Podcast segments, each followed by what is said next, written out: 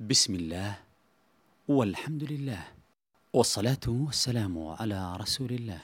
يسر تسجيلات الراية الإسلامية بالرياض أن تقدم لكم هذه المحاضرة والتي هي بعنوان أحكام الصلاة لفضيلة الشيخ عبد العزيز ابن مرزوق الطريفي.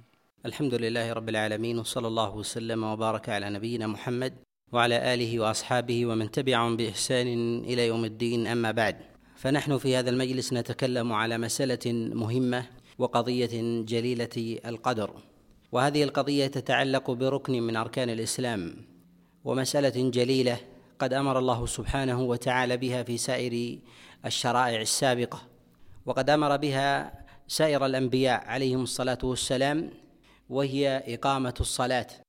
والصلاة لها مسائل متعددة وأحكام متنوعة ينبغي لكل مسلم أن يتفقه وأن يتبصر فيها وهذه المسائل يعلمها كثير من الناس على جهة الإجمال ولكن ربما يجهلون شيئا من التدليل أو ربما يجهلون شيئا من التفصيل أو ربما شاع واشتهر عند كثير من من الناس جملة من المسائل المرجوحة في أحكام الصلاة ومضى عمل الناس عليها والسنة في ذلك على الخلاف. لهذا كان من المهم أن يتفقه العامة والخاصة بأحكام هذه الصلاة. ونحن في هذا المجلس نتكلم على أحكام الصلاة وشيء من مقدماتها على سبيل الإجمال وذلك لأهميتها وجلالة قدرها. ويكفي أن الله سبحانه وتعالى أمر بها سائر أنبيائه وجعلها شرعة ظاهرة من العبادات التي تدل على توحيد العابد لله سبحانه وتعالى. لهذا لما كانت الصلاة من أظهر وجوه التوحيد الظاهر لله جل وعلا كان صرفها لغير الله جل وعلا من أظهر وجوه الشرك. لهذا كان أكثر ما يصنعه الجاهليون في جاهليتهم من مظاهر الشرك هو السجود لغير الله جل وعلا من أن يكون لشجر أو حجر أو أو صنم أو كوكب وغير ذلك. وهذا دليل على أهمية الصلاة. سواء كانت سجودا منفردا أو كانت بمعناها العام بالتوجه بالدعاء لغير الله جل وعلا وهي داخلة في عموم في عموم هذا اللفظ. الصلاة قد جعلها الله جل وعلا ركنا من أركان الإسلام كما جاء ذلك عن رسول الله صلى الله عليه وسلم في غير ما خبر كما جاء في الصحيحين من حديث عبد الله بن عمر أن رسول الله صلى الله عليه وسلم قال بني الإسلام على خمس. شهادة أن لا إله إلا الله وأن محمد رسول الله وإقام الصلاة وإيتاء الزكاة وصوم رمضان وحج البيت من استطاع إليه سبيلا. وجاء هذا أيضا حينما صدر رسول الله صلى الله عليه وسلم الإسلام بالصلاة قارنا لها مع التوحيد.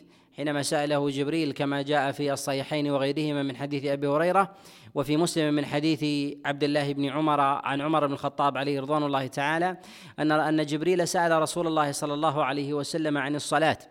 فقال له سأله عن الإسلام فقال رسول الله صلى الله عليه وسلم الإسلام أن تشهد أن لا إله إلا الله وأن محمد رسول الله وتقيم الصلاة وتؤتي الزكاة وتصوم رمضان وتحج البيت إن استطعت إن استطعت إليه سبيلا. ولأهمية الصلاة كان الصحابة عليهم رضوان الله تعالى يبينون منزلتها. وكذلك أيضا جاء بيان منزلة عاملها عند الله سبحانه وتعالى في نصوص كثيرة عن رسول الله صلى الله عليه وسلم. وذلك أن الله جل وعلا قد صدرها في أول قائمة العبادات العملية البدنية وذلك لما لها من مكانة عظيمة جليلة القدر. ويكفي في ذلك أن الشارع الحكيم ما نص على أن ثمة شيء من الأعمال إذا تركه الإنسان من أعمال الإسلام يكفر به من الأعمال البدنية الا إلا الصلاة. وهذا ظاهر في جملة من الأحاديث الواردة في ذلك عن رسول الله صلى الله عليه وسلم. ويكفي في هذا أن النبي صلى الله عليه وسلم قال كما جاء في صحيح الإمام مسلم من حديث جابر بن عبد الله قال بين الرجل وبين الشرك والكفر ترك الصلاة. وقد جاء عن رسول الله صلى الله عليه وسلم أيضا كما في السنن وغيرها من حديث بريدة أنه قال العهد الذي بيننا وبينهم الصلاة فمن تركها فقد كفر. والصلاة هي الفيصل بين المؤمن والكافر وقد كان أصحاب رسول الله صلى الله عليه وسلم يعتنون بها عناية بالغة حتى في أحلك الظروف واصعبها ويكفي في هذا أن الشارع الحكيم أوجبها على الإنسان حتى في حال الخوف. فإذا كان في حال الخوف وفي وجاه العدو وفي جبهة من الجبهات فإنه يحرم عليه أن يفوت أداء هذه الصلاة ويجب عليه أن يؤديها متى استطاع وأمكنه ذلك. ولهذا شرع في الإسلام شرع في الإسلام صلاة الخوف وهي على صور وأحكام متعددة. وقد كان أصحاب رسول الله صلى الله عليه وسلم يؤكدون عليها وكذلك يظهر من عملهم الحرص عليها كما جاء عند عبد الرزاق من حديث عبيد الله بن عبد الله عن عبد الله بن عباس أنه قال لما طعن عمر احتملته أنا ونفر من الأنصار حتى أدخلناه منزله فلم يزل في غشية واحدة حتى أسفر فقال رجل إنكم لن تفزعوه بشيء إلا بالصلاة. قال فقلنا الصلاة يا أمير المؤمنين قال ففتح عينيه. ثم قال أصلى الناس؟ قلنا نعم. قال أما إنه لا حظ في الإسلام لمن ترك الصلاة لا حظ في الإسلام لمن ترك الصلاة فصلى وجرحه يثعب دما. والمراد من هذا أنه في حال هذه في في هذه الحال لم يفوت الصلاة كذلك أصحابه لم يفوتوا عليه الصلاة فقالوا إنه جريح. إنه جريح وضرير وينبغي له أن يرتاح وأن يدع الصلاة وأن يفوتها لحال لهذه الحال الضرورة. ولكن حرصوا على ذلك. وقد كان رسول الله صلى الله عليه وسلم يبين أنها النجاة والنور للإنسان يوم القيامة. كما روى الإمام أحمد بن حبان والطبراني من حديث عبد الله بن عمرو أن رسول الله صلى الله عليه وسلم قال من حافظ على هذه الصلوات حيث ينادى بها كن له نورا ونجاة وبرهانا يوم القيامة ومن لم يحافظ عليها لم تكن له نورا ولا نجاة ولا برهانا يوم القيامة وحشر مع فرعون وهامان وقارون وأبي بن خلف. والمراد من هذا أن الإنسان إذا حشر مع كافر فالأصل أن له حكمة وأنه إذا حشر مع مؤمن فله الحكم كذلك. وقد كان أصحاب رسول الله صلى الله عليه وسلم يحكى عنهم الإطباق والإجماع انه أنهم لا يرون شيئا من الأعمال تركه كفر إلا الصلاة كما روى ذلك الترمذي من حديث عبد الله بن شقيق. كذلك كان التابعون كما روى محمد بن نصر المروزي من حديث أيوب بن أبي تميمة أنه قال ترك الصلاة كفر لا نختلف فيه وقد حكى غير واحد من العلماء أن تارك الصلاة كافر على خلاف عند جماعة من العلماء من المتأخرين. هل هذا الكفر ومن الكفر الأكبر المخرج من الملة أو من الكفر الأصغر. ومن الأمور المهمة التي ينبغي أن يقدم بها في مسألة الصلاة هي ما يتعلق بطهور المؤمن ووضوئه. فنتكلم على شيء سريع في أحكام الوضوء وذلك لأهميتها ويكفي في هذا أن رسول الله صلى الله عليه وسلم كان يؤكد ويحث أصحابه ويجعل الصلاة لا تقبل إلا إلا إلا بطهور كما جاء رسول الله صلى الله عليه وسلم كما في الصحيح قال لا يقبل الله صلاة إلا بطهور ولا صدقة من غلول والمراد من ذلك أن أن الرجل إذا أدى الصلاة من غير طهارة فإنه لا يتقبل منه وثمة أمر مهم أيضا ينبغي أن يعلم أن الوضوء للصلاة هذا من الأمور التي يتفق عليها العلماء ولا خلاف عندهم وهي من المسائل الضرورية المعلومة من دين الإسلام بالضرورة ومن جهل شيئا منها فيجب عليه أن يتعلم وأن ترفع عنه تلك الجهالة بالعلم. ومن جحد وجوب الوضوء في الصلاة فقد كفر ولا خلاف في ذلك.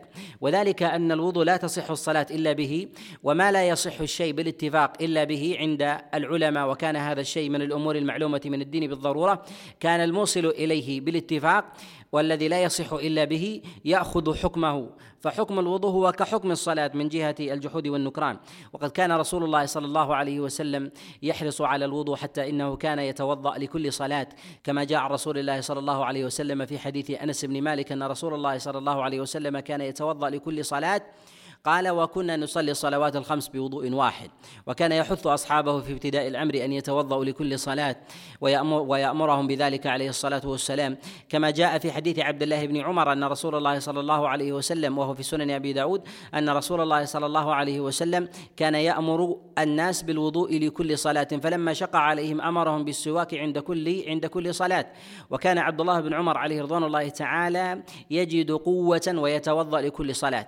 حتى إن الصحابة الصحابة إذا رأوا رسول الله صلى الله عليه وسلم يصلي صلاتين أو أكثر بوضوء واحد فإنهم ربما استنكروا ذلك لأنهم قد اعتادوا من فعله عليه الصلاة والسلام أنه يتوضأ لكل صلاة كما جاء في عام الفتح حينما فتحت مكة فصلى رسول الله صلى الله عليه وسلم الصلوات الخمس بوضوء واحد فأتاه عمر بن الخطاب فقال يا رسول الله إنك صنعت شيئا لم تكن تصنعه من قبل فقال عمدا صنعته يا عمر والمراد من ذلك أن الإنسان إذا توضأ بوضوء سابق فإنه فإن هذا أمر حسن إذا لم ينقض وضوءه واذا توضأ لكل صلاة فهو أحسن وأتم وأكمل وهذا مما لا خلاف مما لا خلاف فيه.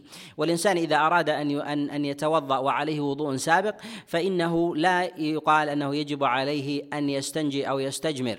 وذلك أنه لا صلة بين بين هذا وهذا بل يقال أنه يتوضأ ظاهرا وكفى. كذلك أيضا فإنه الاستنجاء والاستجمار لا يكون إلا إلا من الخارج من السبيلين من البول والغائط. وأما ما كان من غيرها من الريح فإنه لا يجب فيه الاستنجاء والاستجمار. والإنسان في وضوئه يهتدي بهدي رسول الله صلى الله عليه وسلم ويتأكد في حق المتوضئ يتأكد في حق المتوضئ أن يعمد إلى وضوء طاهر تتحقق فيه الأوصاف سواء كان ماء بحر أو ماء نهر أو بئر. والأصل في المياه الطهارة ما لم تتغير أحد أوصافها الثلاثة بالريح أو الطعم واللون بالنجاسة التي تحدث فيها أو بالمجاورة على قول عامة على قول عامة العلماء. وكذلك أيضا من الأمور المهمة أن يهتدي بهدي رسول الله صلى الله عليه وسلم بفعله أو بفعل أصحابه وما اشتهر واستفاض عنهم. ويتأكد في حق الإنسان إذا أراد أن يتطهر أن يذكر اسم الله. فقد ثبت هذا عن عبد الله بن عمر عليه رضوان الله وقد جاء في ذلك جملة من الأحاديث المرفوعة إلى رسول الله صلى الله عليه وسلم من حديث أبي هريرة وغيره ولا يصح في هذا الباب شيء من جهة الأمر. قد جاء في ذلك جملة من الأحاديث عن رسول الله صلى الله عليه وسلم أنه لا تصح لا تصح لا يصح وضوء من لم يذكر اسم الله عليه. وجاء في هذا جملة من الأخبار بألفاظ متنوعة ولا يصح منها شيء. ولكن الثابت في ذلك عمل الصحابة كما جاء عن عبد الله بن بن عمر كما قال ذلك الإمام أحمد وأبو حاتم وغيرهم. فيتأكد في حق الإنسان أن يذكر اسم الله عند وضوئه وذلك أن الوضوء من من الأفعال التي هي التي هي ذات بال. فينبغي للإنسان أن يذكر اسم الله عليها لعموم الأخبار وكذلك أيضا لفعل السلف الصالح السلف الصالح في ذلك. ومن تركها فوضوءه فوضوءه صحيح فوضوءه صحيح عند عامة عند عامة العلماء. وكذلك أيضا أن يفعل فعل رسول الله صلى الله عليه وسلم من جهة وضوئه فيبدأ بغسل كفيه ويغسل الكفين ثلاثا. وأما بالنسبة لغسل الإنسان لكفيه فإنه لا يخلو من حالين إما أن يكون مستيقظا من من نوم فإنه يتأكد في حقه تأكدا زائدا أن يغسل يديه ثلاثا. وذلك لما جاء رسول الله صلى الله عليه وسلم كما جاء في الصحيح من حديث أبي هريرة أنه قال إذا استيقظ أحدكم من نومه فلا يغمس يده في الإناء حتى يغسلها ثلاثا.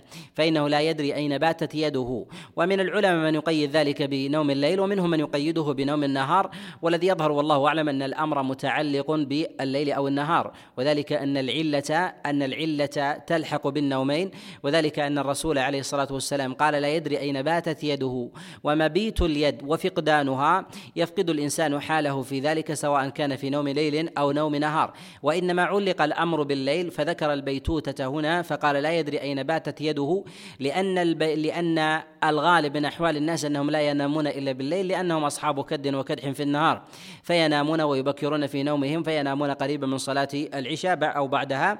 هذا عادتهم أنهم ينامون على هذا على هذا الحال. وهذا يدل على أنهم يكتفون بنوم الليل وربما ناموا وقالوا وهذا شيء يسير يفعله بعضهم ويفعله بعضهم ولا يفعله كلهم. فجاء النص بتعليق ذلك الأمر بالأغلب وهو نوم وهو نوم الليل. وكذلك فإن رسول الله صلى الله عليه وسلم كان يأمر بالاستنثار عند الاستيقاظ من النوم آه، ثلاثا. ولهذا قال عليه الصلاة والسلام معللا ذلك قال فإن الشيطان يبيت على خيشومه. وهذا في إشارة إلى تأكيد الاستنثار عند الاستيقاظ من النوم مع غسل اليدين. كذلك أيضا فإن الإنسان في ذلك إذا لم يجد إذا لم يجد ماء فإنه يتيمم. وهذا الأمر فيه على وهذا الأمر فيه تيسيرا للأمة ورحمة وشفقة وشفقة بها. فيتوضأ الإنسان بوضوء رسول الله صلى الله عليه وسلم يغسل يديه ثلاثا ثم يتمضمض ويستنشق من كف واحدة والمراد من كف واحدة أنه لا يفصل بينها فيأخذ كفا للمضمضة وكفا للاستنشاق بل يأخذ كفا واحدة يمرها على فمه فيتمضمض ثم الباقي من ذلك يجعله يجعله للاستنشاق. والاستنشاق هو أن يجذب الإنسان الإنسان ماء أن يجذب الإنسان ماء إلى أنفه ثم يخرجه عن قصد فيكون الأول الاستنشاق والثاني هو الاستنثار. والاستنثار لازم للاستنشاق والاستنشاق لا يلزم منه الاستنثار فإن الإنسان قد يستنشق شيئا ثم يدعه يخرج من تلقاء نفسه من غير دفع. ولكن رسول الله صلى الله عليه وسلم حث على على الاستنشاق والاستنثار تطيبا تطيبا لحال الإنسان في وضوئه وطهوره. كذلك فإنه يتحكد في حق الإنسان أن يتمضمض وأن يبالغ في المضمضة والاستنشاق كما جاء رسول الله صلى الله عليه وسلم في المسند والسنن أنه قال أسبغ الوضوء وخلل بين الأصابع وبالغ في المضمضة والاستنشاق إلا أن تكون صائما. يستثنى الصائم خشية أن يتخلل أن يتخلل وضوءه فيتسلل الماء آه، إلى إلى جوفه من حيث لا يشعر فيبطل بذلك صيامه. وهذا من أمور الاحتياط حتى يتحقق للإنسان التعبد الكامل في مسألة الصيام. فيتمضمض ويستنشق من كف واحدة ثم يغسل وجهه ويستوعب ويستوعب الوجه والوجه هو من من من منابت الشعر في الوجه من من جهة ما بين الأذنين. كذلك أيضا ما واجه به الإنسان غيره فيسمى وجها ولا يدخل في ذلك الرقبة ولا يدخل في ذلك ولا يدخل في ذلك الأذنان ولا الرأس. وهذا من الأمور التي ينبغي ينبغي ضبطها. فبعض الناس يبالغ في ذلك ربما وصل الماء إلى إلى رقبته فقام بغسلها وكذلك غسل الأذنين. وهذا هذا ليس من سنة رسول الله صلى الله عليه وسلم. والإنسان إذا كان كث اللحية فإنه يتأكد في حقه أن يخللها لعموم تأكيد غسل الوجه. ولم يثبت عن رسول الله صلى الله عليه وسلم أنه خلل لحيته في خبر من الأخبار وقد جاء في ذلك في في المسند وكذلك السنن من حديث عثمان بن عفان والحديث فيه ضعف أن رسول الله صلى الله عليه وسلم كان يخلل لحيته وجاء أيضا في جملة من الأخبار وفيها ضعف. ولكن جاء ذلك عن جماعة من أصحاب رسول الله صلى الله عليه وسلم والتابعين أنهم كانوا أنهم كانوا يخللون فيكون التخليل من السنة. كذلك أيضا بقياس الأولى إذا كان الشارع الحكيم قد حث على تخليل الأصابع والأصابع ظاهرة وكذلك وصول الماء إليها أظهر من وصول الماء إلى إلى بشرة الإنسان إذا كان كث اللحية. فأمر رسول الله صلى الله عليه وسلم بتخليل الأصابع كما تقدم في حديث لقيط. كذلك أيضا قد جاء في حديث المستورد عند البيهقي وغيره أن النبي عليه الصلاة والسلام كان كان يخلل أصابع رجليه بخنصره. فإذا كان ذلك في الأصابع الظاهرة والإنسان يخللها حتى يصل إليها الماء فإن اللحية من باب من باب أولى ولكن لا يكون ذلك إلى درجة الغسل بحيث أن الإنسان بحيث أن الإنسان يبل اللحية بكامل كحال الإنسان الذي يغتسل. يقال إن حكم الاغتسال يختلف عن حكم عن حكم الوضوء. ثم بعد ذلك آه، يغسل يديه إلى يغسل يديه إلى المرفقين. وغسل اليدين من المرفقين يكون من أطراف الأصابع إلى المرفقين كما كان ظاهر فعل رسول الله صلى الله عليه وسلم. وإدخاله المرفقين في الغسل هذا من الأمور المتأكدة وهو قول جماهير آه، جماهير الفقهاء. ومن العلماء من قال أن ذات المرفق لا يدخل في ذلك وهو الغاية التي يتوقف عند الإنسان. والصواب في ذلك أنه يغسله لأن النبي عليه الصلاة والسلام غسل يديه إلى إلى المرفق المرفقين وهذا هو ظاهر ظاهر الآية إلى المرافق إشارة إلى دخولها وإلى هنا غائية أنه حتى يبلغ ومن لم يبلغها فإنه لا يقال أنه قد بلغ بلغ كذا وإنما قرب منها. وغسل اليدين يكون من أطراف الأصابع وثمة خطأ يقع فيه كثير من الناس أنه يبدأ غسل اليدين من من مفصل الكف إلى المرفق. ويقول أكتفي بالغسلة الأولى للكف. يقال إن الغسلة الأولى سنة والغسلة الثانية التي هي من الكف إلى من أطراف الأصابع إلى المرفقين هذا من الأمور الواجبة ولا خلاف عند العلماء ولا خلاف عند العلماء في ذلك. وينبغي للإنسان أن يأخذ لكل عضو ماء جديدا كما كان رسول الله صلى الله عليه وسلم كما كان رسول الله صلى الله عليه وسلم يفعله إلا ما كان مشتركا مشتركا ودل الدليل عليه كمسألة المضمضة والاستنشاق فيما تقدم الكلام عليه كما جاء في حديث عبد الله بن عباس أن رسول الله صلى الله عليه وسلم كان كان يتمضمض ويستنشق من كف واحدة أي أنه لا يفصل بينها والحديث الذي فيه الفصل حديث ضعيف. وحديث ليث بن سليم عن طلحة بن مصرف عن أبيه عن جده أن رسول الله صلى الله عليه وسلم كان يفصل بين المضمضه بين المضمضة والاستنشاق. كذلك أيضا من الأمور المهمة التي ينبغي للإنسان ان ان ان أن يكون على بينة فيها في مسائل في مسائل الطهارة أنه يتأكد في حقه أن يمسح رأسه بماء بماء جديد. بماء جديد كما كان رسول الله صلى الله عليه وسلم يفعل كما جاء في صحيح الإمام مسلم أن رسول الله صلى الله عليه وسلم أخذ لرأسه ماء غير الماء الذي أخذه ليديه. بعض الناس حينما يغسل يغسل اليدين ولقرب الرأس منها والرأس ممسوح واليدين مغسولة فيقوم بمسح رأسه ببقايا الماء الذي في اليدين. يقال أن هذا خلاف السنة ولو فعله أجزاء. ولكن الأولى أن يأخذ ماء جديدا فيقوم بمسح بمسح رأسه. وأما مسح الأذنين فهي تابعة للرأس. وأما بالنسبة لمسح العنق فلا يثبت في مسح العنق عن رسول الله صلى الله عليه وسلم شيء سواء كان القذال وهو آخر وهو آخر الرأس من الخلف وهو العنق من الخلف. كذلك أيضا بالنسبة للعنق من الأمام لا يستحب غسله. وقد جاء في ذلك عن عبد الله بن عمر عليه رضوان الله تعالى وجاء أيضا عن بعض السلف ولا دليل على ذلك عن رسول الله صلى الله عليه وسلم. ومثل هذه الأمور لو جاء فيها الدليل أو فعله رسول الله صلى الله عليه وسلم لورد بأصح الأسانيد للحاجة الماسة إليه. فإن هذا من الأمور التي تعم بها البلوى ويفعلها الإنسان في كل يوم فيفعلها الإنسان في كل يوم وليلة مرة مرة أو مرات. فينبغي للإنسان أن يمسح رأسه أن يمسح رأسه وأذنيه بماء واحد ويكون ذلك مسحا لا يكون غسلا. وأما مسح الأذنين فجاء عن رسول الله صلى الله عليه وسلم على سبيل الإجمال وجاء فيه جملة من الصفات. جاء فيه جملة من الصفات أن النبي في مسح في مسح الأذنين ولا يثبت في صفة مسح الأذنين شيء عن رسول الله صلى الله عليه وسلم. جاء في ذلك جملة من الأحاديث أنه يمسح ظاهرهما وباطنهما. جاء هذا في بعض الأخبار رسول الله صلى الله عليه وسلم كما جاء في حديث المقداد بن معدي كرب وجاء أيضا في حديث عبد الله بن عباس وغيرها. ولكن هذه الأحاديث كلها وهذه الأحاديث كلها معلولة ولكن يقال بالمسح. ومسح الأذنين سنة ومسح الرأس واجب وهو ركن من أركان الوضوء. وأما مسح الأذنين فسنة وهذا محل اتفاق عند عند العلماء ولم يخالف في ذلك فيما أعلم إلا بعض إلا بعض التابعين من متأخريهم.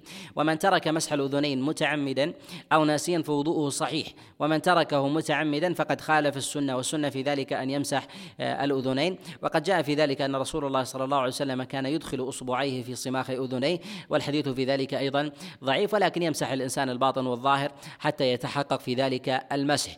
ويجزئ من الرأس أن يمسح الإنسان أن يمسح الإنسان بعضه. على خلاف عند العلماء في القدر المجزئ في ذلك والأولى في هذا أن الإنسان أن يمسح أكثر أن يمسح أكثر أو يستوعبه كله.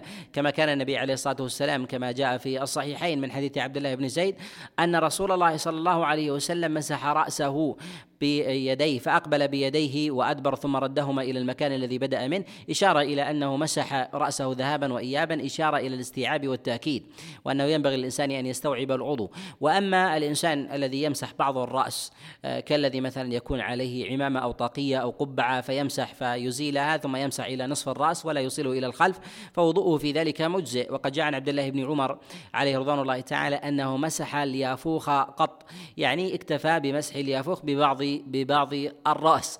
وقد جاء عن رسول الله صلى الله عليه وسلم آه، أنه مسح ناصيته حينما كانت له عمامة وقد جاء هذا في حديث أنس بن مالك ولكن يقال إن هذا متعلق بحال الإنسان إذا كان عليه عليه عمامة. ويمسح الرأس والأذنين مسحة واحدة. وأما بقية الأعضاء فينبغي للإنسان أن يمس ان ان, أن يغسلها ثلاثا. هذا أعلى المراتب ولا يزيد في ذلك من غير سرف. والسنة في هذا والسنة في هذا أن يغسلها ثلاثا فقد كان النبي صلى الله عليه وسلم يتوضأ ثلاثا ثلاثا. وقد جاء عنه أنه توضأ مرتين مرتين وجاء عنه أنه توضأ مرة مرة كما جاء في الصحيح من حديث عبد الله بن عباس. و إن زاد على ثلاث فقد أساء وبالغ وغلا وقد جاء رسول الله صلى الله عليه وسلم كما في المسند والسنن من حديث عمرو بن شعيب عن أبيه عن جده أن النبي عليه الصلاة والسلام توضأ ثلاثا ثلاثا فقال من زاد على هذا فقد أساء وظلم. يعني أن الإنسان إذا زاد عن ثلاث غسلات في وضوئه فقد أساء وخالف سنة رسول الله صلى الله عليه وسلم وظلم أي فأي ظلم غيره بأحقيته مثلا بهذا الماء الذي أسرف فيه والسنة في ذلك يكتفى بها بالقدر الذي جاء عن رسول الله صلى الله عليه وسلم. وكذلك أيضا بعد غسله أو مسحه للرأس يغسل القدمين إلى إلى الكعبين ويحتاط في هذا ألا يبقى من مواضع أعضائه شيء. فإن الإنسان إذا بقي منه شيء ولو لمعه يسيرة فإنه يتأكد في حقه أن أن يعيد الوضوء وأن يحسن وضوءه. وقد جاء رسول الله صلى الله عليه وسلم كما جاء في صحيح الإمام مسلم من حديث أبي الزبير عن جابر بن عبد الله أن رسول الله صلى الله عليه وسلم رأى رجلا على قدمه مثل اللمعة قدر الظفر لم يصيبها الماء فامر رسول رسول الله صلى الله عليه وسلم أن يحسن الوضوء. ومعنى الإحسان أنه يأتي إلى هذه البقعة ويقوم بوضع الماء عليها. وينبغي الإشارة إلى أنه ينبغي الانسان أن يرتب بين الأعضاء كما جاءت في القرآن وجاء في فعل رسول الله صلى الله عليه وسلم في صوة وضوئه في حديث عثمان وحديث علي بن أبي طالب والا يقدم عضوا على آخر. ولهذا النبي صلى الله عليه وسلم رتب أفعال الحج في الصفا والمروة فقال أبدأ بما بدأ الله به كما جاء عن رسول الله صلى الله عليه وسلم في الصحيح وكذلك في سنن النسائي وجاء في لفظ ابدأوا بما بدأ الله بما بدأ الله به. والمراد من هذا أنه ينبغي للإنسان أن أن يلتزم هدي رسول الله صلى الله عليه وسلم في طهارته وكذلك أيضا في أداء العبادة. فإن هذه الأمور هي من أفعال التعبد الأفعال التعبدية ليست من أفعال العادات التي يخير الإنسان بالصيغة الأصلح في ذلك. بل إن رسول الله صلى الله عليه وسلم حسم هذا الأمر وأمر بالاقتداء والاهتداء بسنته. والأمر في هذا هو منه ما كان على الاستحباب في بعض أفعال الوضوء كالعدد في الوضوء من اثنين أو ثلاثة والواجب في ذلك أن يكون مرة واحدة لسائر الأعضاء. قد جاء عن رسول الله صلى الله عليه وسلم في بعض الألفاظ زيادة أنه مسح مرتين رأسه وجاء فيه ثلاث وهذه الزيادات زيادات غير محفوظة وشاذة ولا تثبت عن رسول الله صلى الله عليه وسلم. ولا أعلم أحدا أيضا من الصحابة أنه مسح رأسه أكثر من مرة وإنما يأتي المسح على سبيل على سبيل الإجمال. أما إدخال الماء إلى العينين أو أو الزيادة عن المواضع في مواضع الوضوء كأن يبلغ الإنسان ماء معه إلى الساق كذلك أيضا إلى إلى ربما غسل شيء شيئا من رأسه وناصيته فيقال إن الشعر للمسح ويمسح وأما بالنسبة للوجه فإنه يغسل والمراد من هذا أن الزيادة على ذلك هي اجتهاد من بعض الصحابة كما جاء عن أبي هريرة وجاء عن عبد الله بن عمر عليه رضوان الله تعالى. والسنة في ذلك أن يقوم الإنسان بالعمل الذي جاء عن رسول الله صلى الله عليه وسلم. فإذا انتهى الإنسان من وضوئه ف إنه ينبغي له أن يقول أشهد أن لا إله إلا الله وأن محمدا رسول الله أو أن محمدا عبده ورسوله كما جاء عن رسول الله صلى الله عليه وسلم. وهذا الذكر ثبت عن النبي عليه الصلاة والسلام في الصحيح. وجاء عنه أنه يقول اللهم اجعلني من التوابين واجعلني من المتطهرين وينظر إلى السماء. وهذا هذه المسألة مسألة اللهم اجعلني من التوابين واجعلني من المتطهرين. لا يثبت إسنادها عن رسول الله والثابت في ذلك أنه يتشهد الشهادتين. وأما النظر إلى السماء فالنبي كان كثيرا ما ينظر إلى السماء. وهو مقترن بالدعاء وهو مقترن بالدعاء. فقد كان النبي عليه الصلاة والسلام كما جاء في الصحيح من حديث أبي موسى كان ينظر إلى السماء وكان كثيرا ما ينظر إليها. وكذلك أيضا ما جاء في صحيح الإمام مسلم أن النبي عليه الصلاة والسلام حينما استطعم رفع بصره إلى السماء قال المقداد عليه رضوان الله تعالى قال فخشيت أن يدعو علي. فقال اللهم أطعم من أطعمني واسقي من سقاني. إشارة إلى أن الإنسان إذا نظر إلى السماء فهذا من مواضع مواضع الدعاء. لهذا يقال حتى لو كان الإسناد في ذلك ضعيفا فإن الإنسان إذا رفع بصره إلى السماء في حال ذكره أو دعائه فإن هذا من الأمور المستحبة وهي من السنن المهجورة التي يهجرها كثير من الناس في النظر إلى السماء عند الذكر أو عند الشهادتين. ما تمكن الإنسان ما تمكن الإنسان من ذلك. وأحكام الوضوء والطهارة هي من المسائل الكثيرة التي ينبغي أن يرجع فيها إلى مظانها ولكن هذا هو على سبيل الإجمال. والأصل في كلامنا هنا ما يتعلق بأحكام الصلاة والعناية بها وأصحاب رسول الله صلى الله عليه وسلم في آه، عنايتهم آه، في هذه المسألة آه، ظاهرة جليلة. والنصوص في ذلك أيضا من الكتاب والسنة ومن آثار الصحابة والتابعين هي كثيرة جدا. وبالنسبة لمسائل الصلاة وما يتعلق فيها تقدم الإشارة معنا ابتداء في صدر هذا في صدر هذه المحاضرة ما يتعلق بمساله ما يتعلق بمسألة تأكيد أمر الصلاة. وكذلك النصوص الواردة في كفر في كفر تاركها. وهذا دليل على أنه ينبغي للإنسان أن يحتاط أن يحتاط فيها اداء وكذلك قضاء وكذلك إعادة وكذلك ما كان من شروطها من استقبال قبلة وكذلك أيضا الطهارة حتى يكون الانسان حتى يكون الإنسان على براءة منها وأن يؤديها كما أمر الله جل وعلا كما أمر الله جل وعلا وحث. من المسائل المهمة التي ينبغي للمصلي أن يكون على معرفة بها أن الإنسان إذا انصرف إلى صلاة الجماعة ينبغي له أن ينصرف بسكينة ووقار. أن ينصرف أن ينصرف بسكينة ووقار. ولم يثبت عن رسول الله صلى الله عليه وسلم دعاء من الأدعية في حال ذهاب الإنسان إلى إلى المسجد في طريقه. جاء في هذا في صحيح مسلم من حديث عبد الله بن عباس اللهم اجعل في قلبي نورا وفي سمعي نورا وفي بصري نورا. والصواب في ذلك أن هذا بدعاء قيام الليل. ومن العلماء قال إنه في السجود ومن العلماء إنه قال إذا تعرى الإنسان من الليل. وهذا محل خلاف. أما أن يكون عند الذهاب إلى المسجد فجاء في بعض الطرق من حديث محمد بن علي بن عبد الله بن عباس عن أبيه عن عبد الله بن عباس. وهو قول مرجوح وهو قول مرجوح والحديث قد عله في ظاهره البخاري وكذلك الإمام مسلم وقد أخرجه البخاري وجعله وجعله في غير في غير ذهاب الإنسان في غير ذهاب الإنسان إلى طريقه وهذا هو رأي الإمام مسلم عليه عليه رحمة الله وقد ترجم البخاري عند هذا الحديث قال باب الدعاء إذا انتبه إذا انتبه الإنسان من الليل وما جعله في الذهاب للمسجد وأما بالنسبة لذهاب الإنسان إلى المسجد فينبغي أن يكون على السكينة والوقار كما جاء في الصحيحين النبي عليه الصلاة والسلام قال إذا سمعتم الإقامة فامشوا إلى الصلاة وعليكم السكينة السكينة والوقار. اي أنه ينبغي للإنسان أن يمشي مشيا يسيرا وأن يقارب بين الخطى حتى يعظم في ذلك حتى يعظم في ذلك أجره.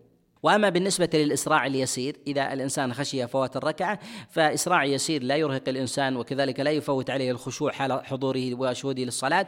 فإن هذا قد جاء عن بعض الصحابة كما جاء عند الإمام مالك من حديث عبد الله بن عمر أنه سمع الإقامة وهو بالبقيع فأسرع المشي إلى الصلاة.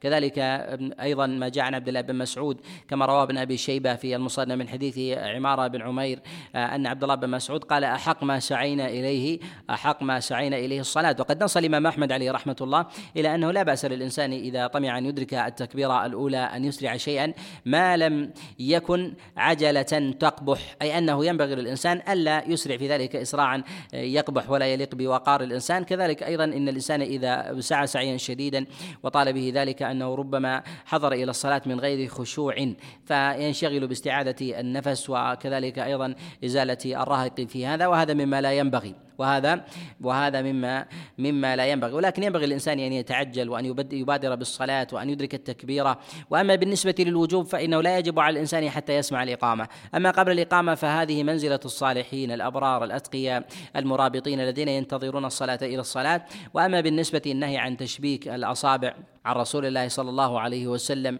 في الذهاب إلى المسجد فقد جاء في ذلك جملة من الأحاديث عن النبي عليه الصلاة والسلام ولا يصح منها ولا يصح منها شيء.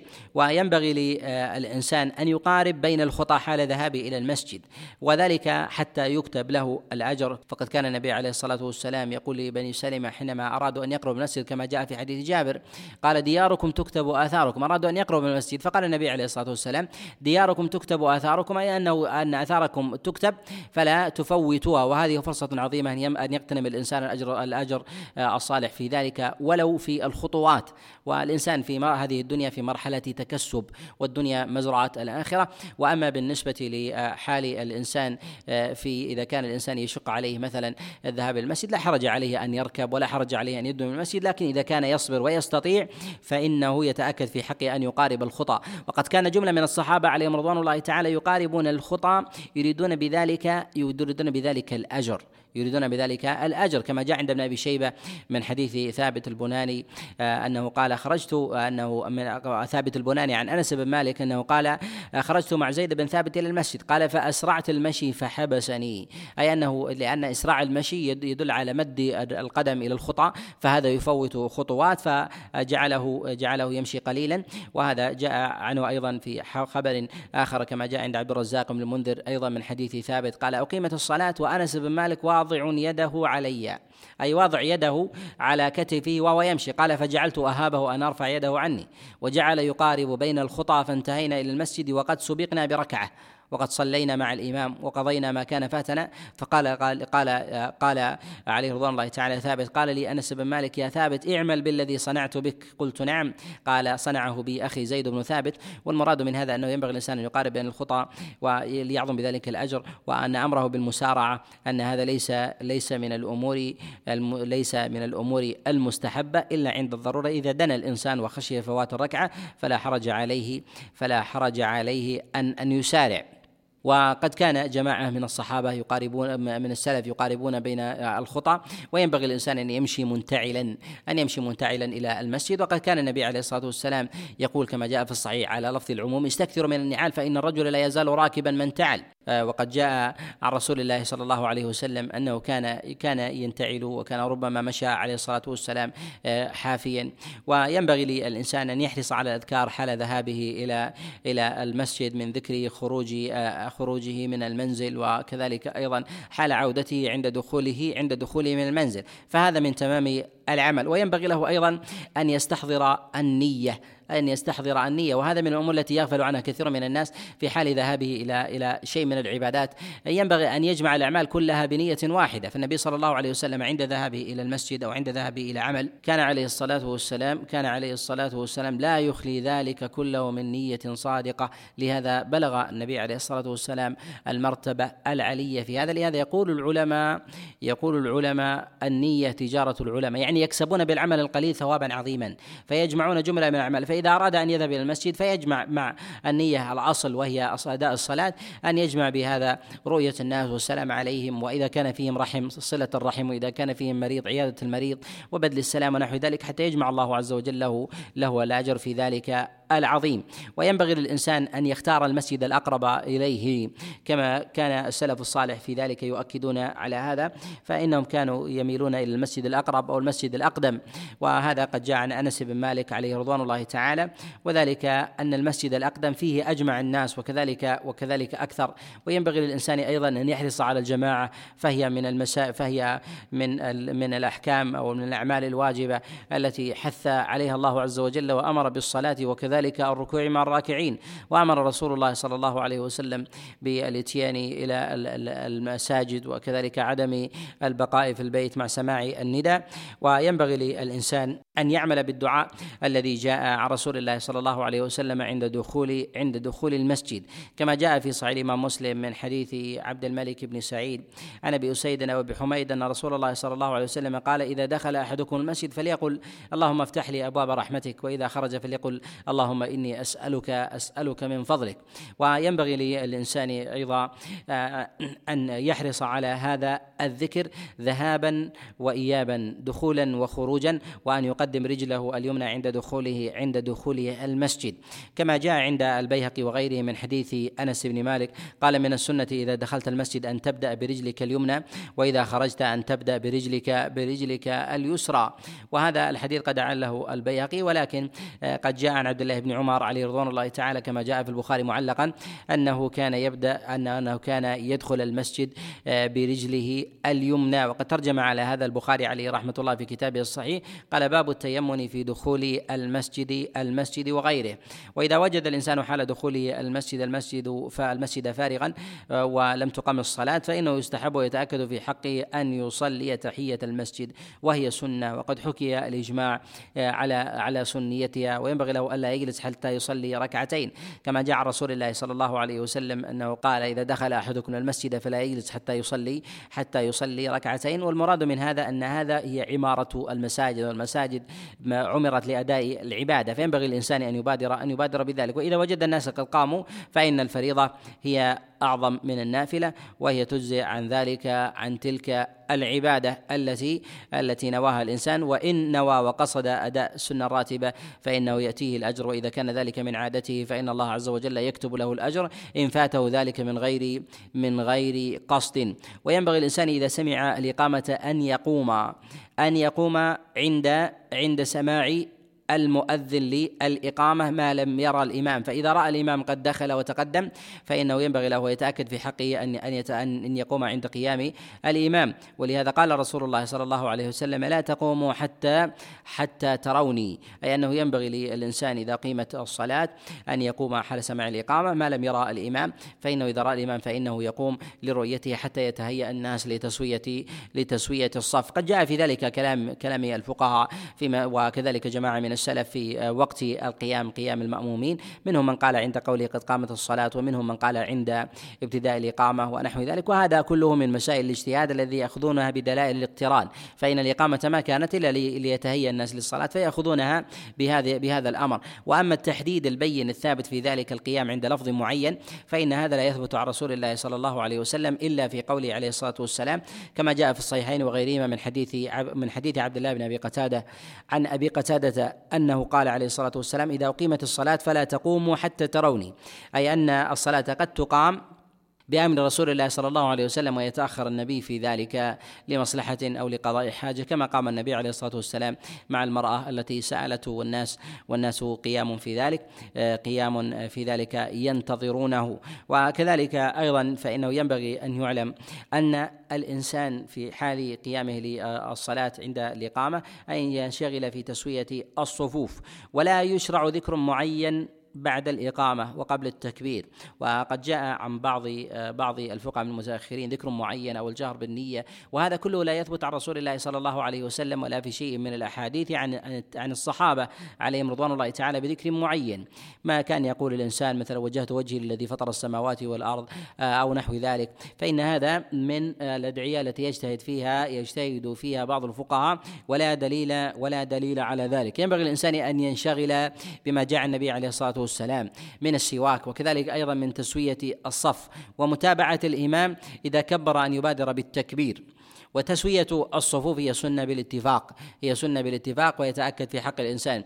أما غير تسوية الصف وهي الفرجات فإن وضع فرجة في الصف من الأمور المحرمة من الأمور من الأمور المحرمة وينبغي للإنسان أن يحرص على أداء الصلوات في أول وقتها. فهذا من الأمور المتأكدة. وهي في وقتها من أوله إلى آخره واجبة ولا خلاف في ذلك. ولهذا قال الله جل وعلا إن الصلاة كانت على المؤمنين كتابا موقوتا.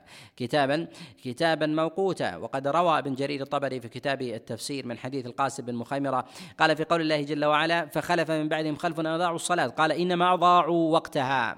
ولو كان تركا كان كان كفرا. لهذا ينبغي للإنسان أن أن أن يؤدي الصلاة آه، في وقتها الذي أمر الله عز وجل به. وأن من أخرها عن وقتها فقد ارتكب كبيرة من كبائر الذنوب كما جاء عن عمر بن الخطاب. قال من جمع بين صلاتين آه، من غير ضرورة فقد أتى كبيرة من كبائر من كبائر الذنوب. وينبغي للإنسان أن يحرص على السنن في مسألة الصفوف وأن يكون خلف الإمام وهذا لا يتحقق في الغالب للإنسان إلا إذا بكر وبادر.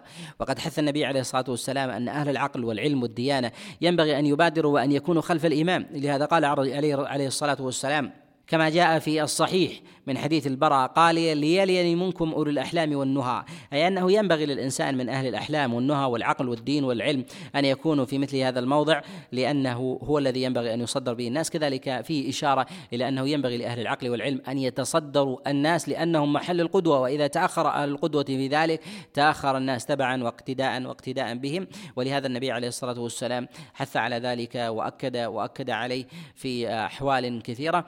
وكذلك أيضا ينبغي أن يعلم أن الأفضل أن يكون الإنسان خلف الإمام ولو كان يساره يسيرا إذا كان قريبا منه. وأما فضل ميمنة الصف فقد جاء في ذلك في بعض الأخبار الموقوفة كما جاء في صحيح الإمام مسلم من حديث ابن البراء عن البراء بن عازب قال كنا إذا صلينا مع رسول الله صلى الله عليه وسلم أحببنا أن نكون عن يمينه يقبل علينا بوجهه. أي أنه أنهم يستحبون بذلك لإقبال النبي عليه الصلاة والسلام. من العلماء من قال أن الصحابة عليهم رضوان الله تعالى يحبون أن يكونوا عن يمين النبي لإقبال النبي بوجهه إليهم وهذا من خصائصه. وأما غيره فلا فإن المقام هو أفضل والقرب من الإمام أفضل ولو كان عن يسار الصف. وأما بالنسبة لميمنة الصف وفضلها كما جاء النبي عليه الصلاة والسلام إن الله وملائكته يصلون على ميامن الصفوف فالخبر في ذلك لا يثبت عن رسول الله صلى الله عليه وسلم. ولكن يقال أن الصحابة من جهة العمل كانوا يحبون ذلك وهذا جاء عن غير واحد. كما جاء عند ابن أبي شيبة من حديث عطاء عن عبد الله بن عمرو بن العاص أنه قال خير المسجد المقام ثم ميمنة الصف. والمراد بذلك هو المقام الذي يكون خلف الإمام وهي ما تسمى بالروضة. وهذا هو السنة التي كان كان الصحابة عليهم رضي الله تعالى يحرصون عليها. ثم ميمنة الصف. وينبغي أيضا أن تعتدل الصفوف وأن تكون متقاربة من الإمام ألا يزيد طرف على طرف. هذا من باب الأولى. ولا أعلم دليلا في ذلك عن رسول الله صلى الله عليه وسلم باعتدال الصفوف ألا تكون جهة أكثر من جهة فإذا زادت بعدد يسير ونحو ذلك فلا يقال باهميه بأهمية آه، ما يسمى بعدل الصفوف أن تكون متساوية بالعدد ولكن تكون متساوية بالتقارب. بالتقارب لا تزيد زيادة فاحشة عن اليمين عن الشمال وكذلك أيضا في العكس. وينبغي للإنسان أن يستحضر نية خالصة في عمله وأعظم النيات في ذلك أن يخلص الإنسان النية لله جل وعلا في أمور العبادات ما يتعلق مثلا بركن عظيم من أركان الإسلام كالصلاة لأن قلب النية إلى فاسدة لغير الله خطر عظيم لأن النية الفاسدة من الرياء والسمعة في ركن من أركان الإسلام يختلف عن نية فاسدة في شيء من نوافل العبادات فإن الأجر العظيم ينقلب على الإنسان آه، جرما وكذلك عقابا عظيما عند الله سبحانه وتعالى. ينبغي الإنسان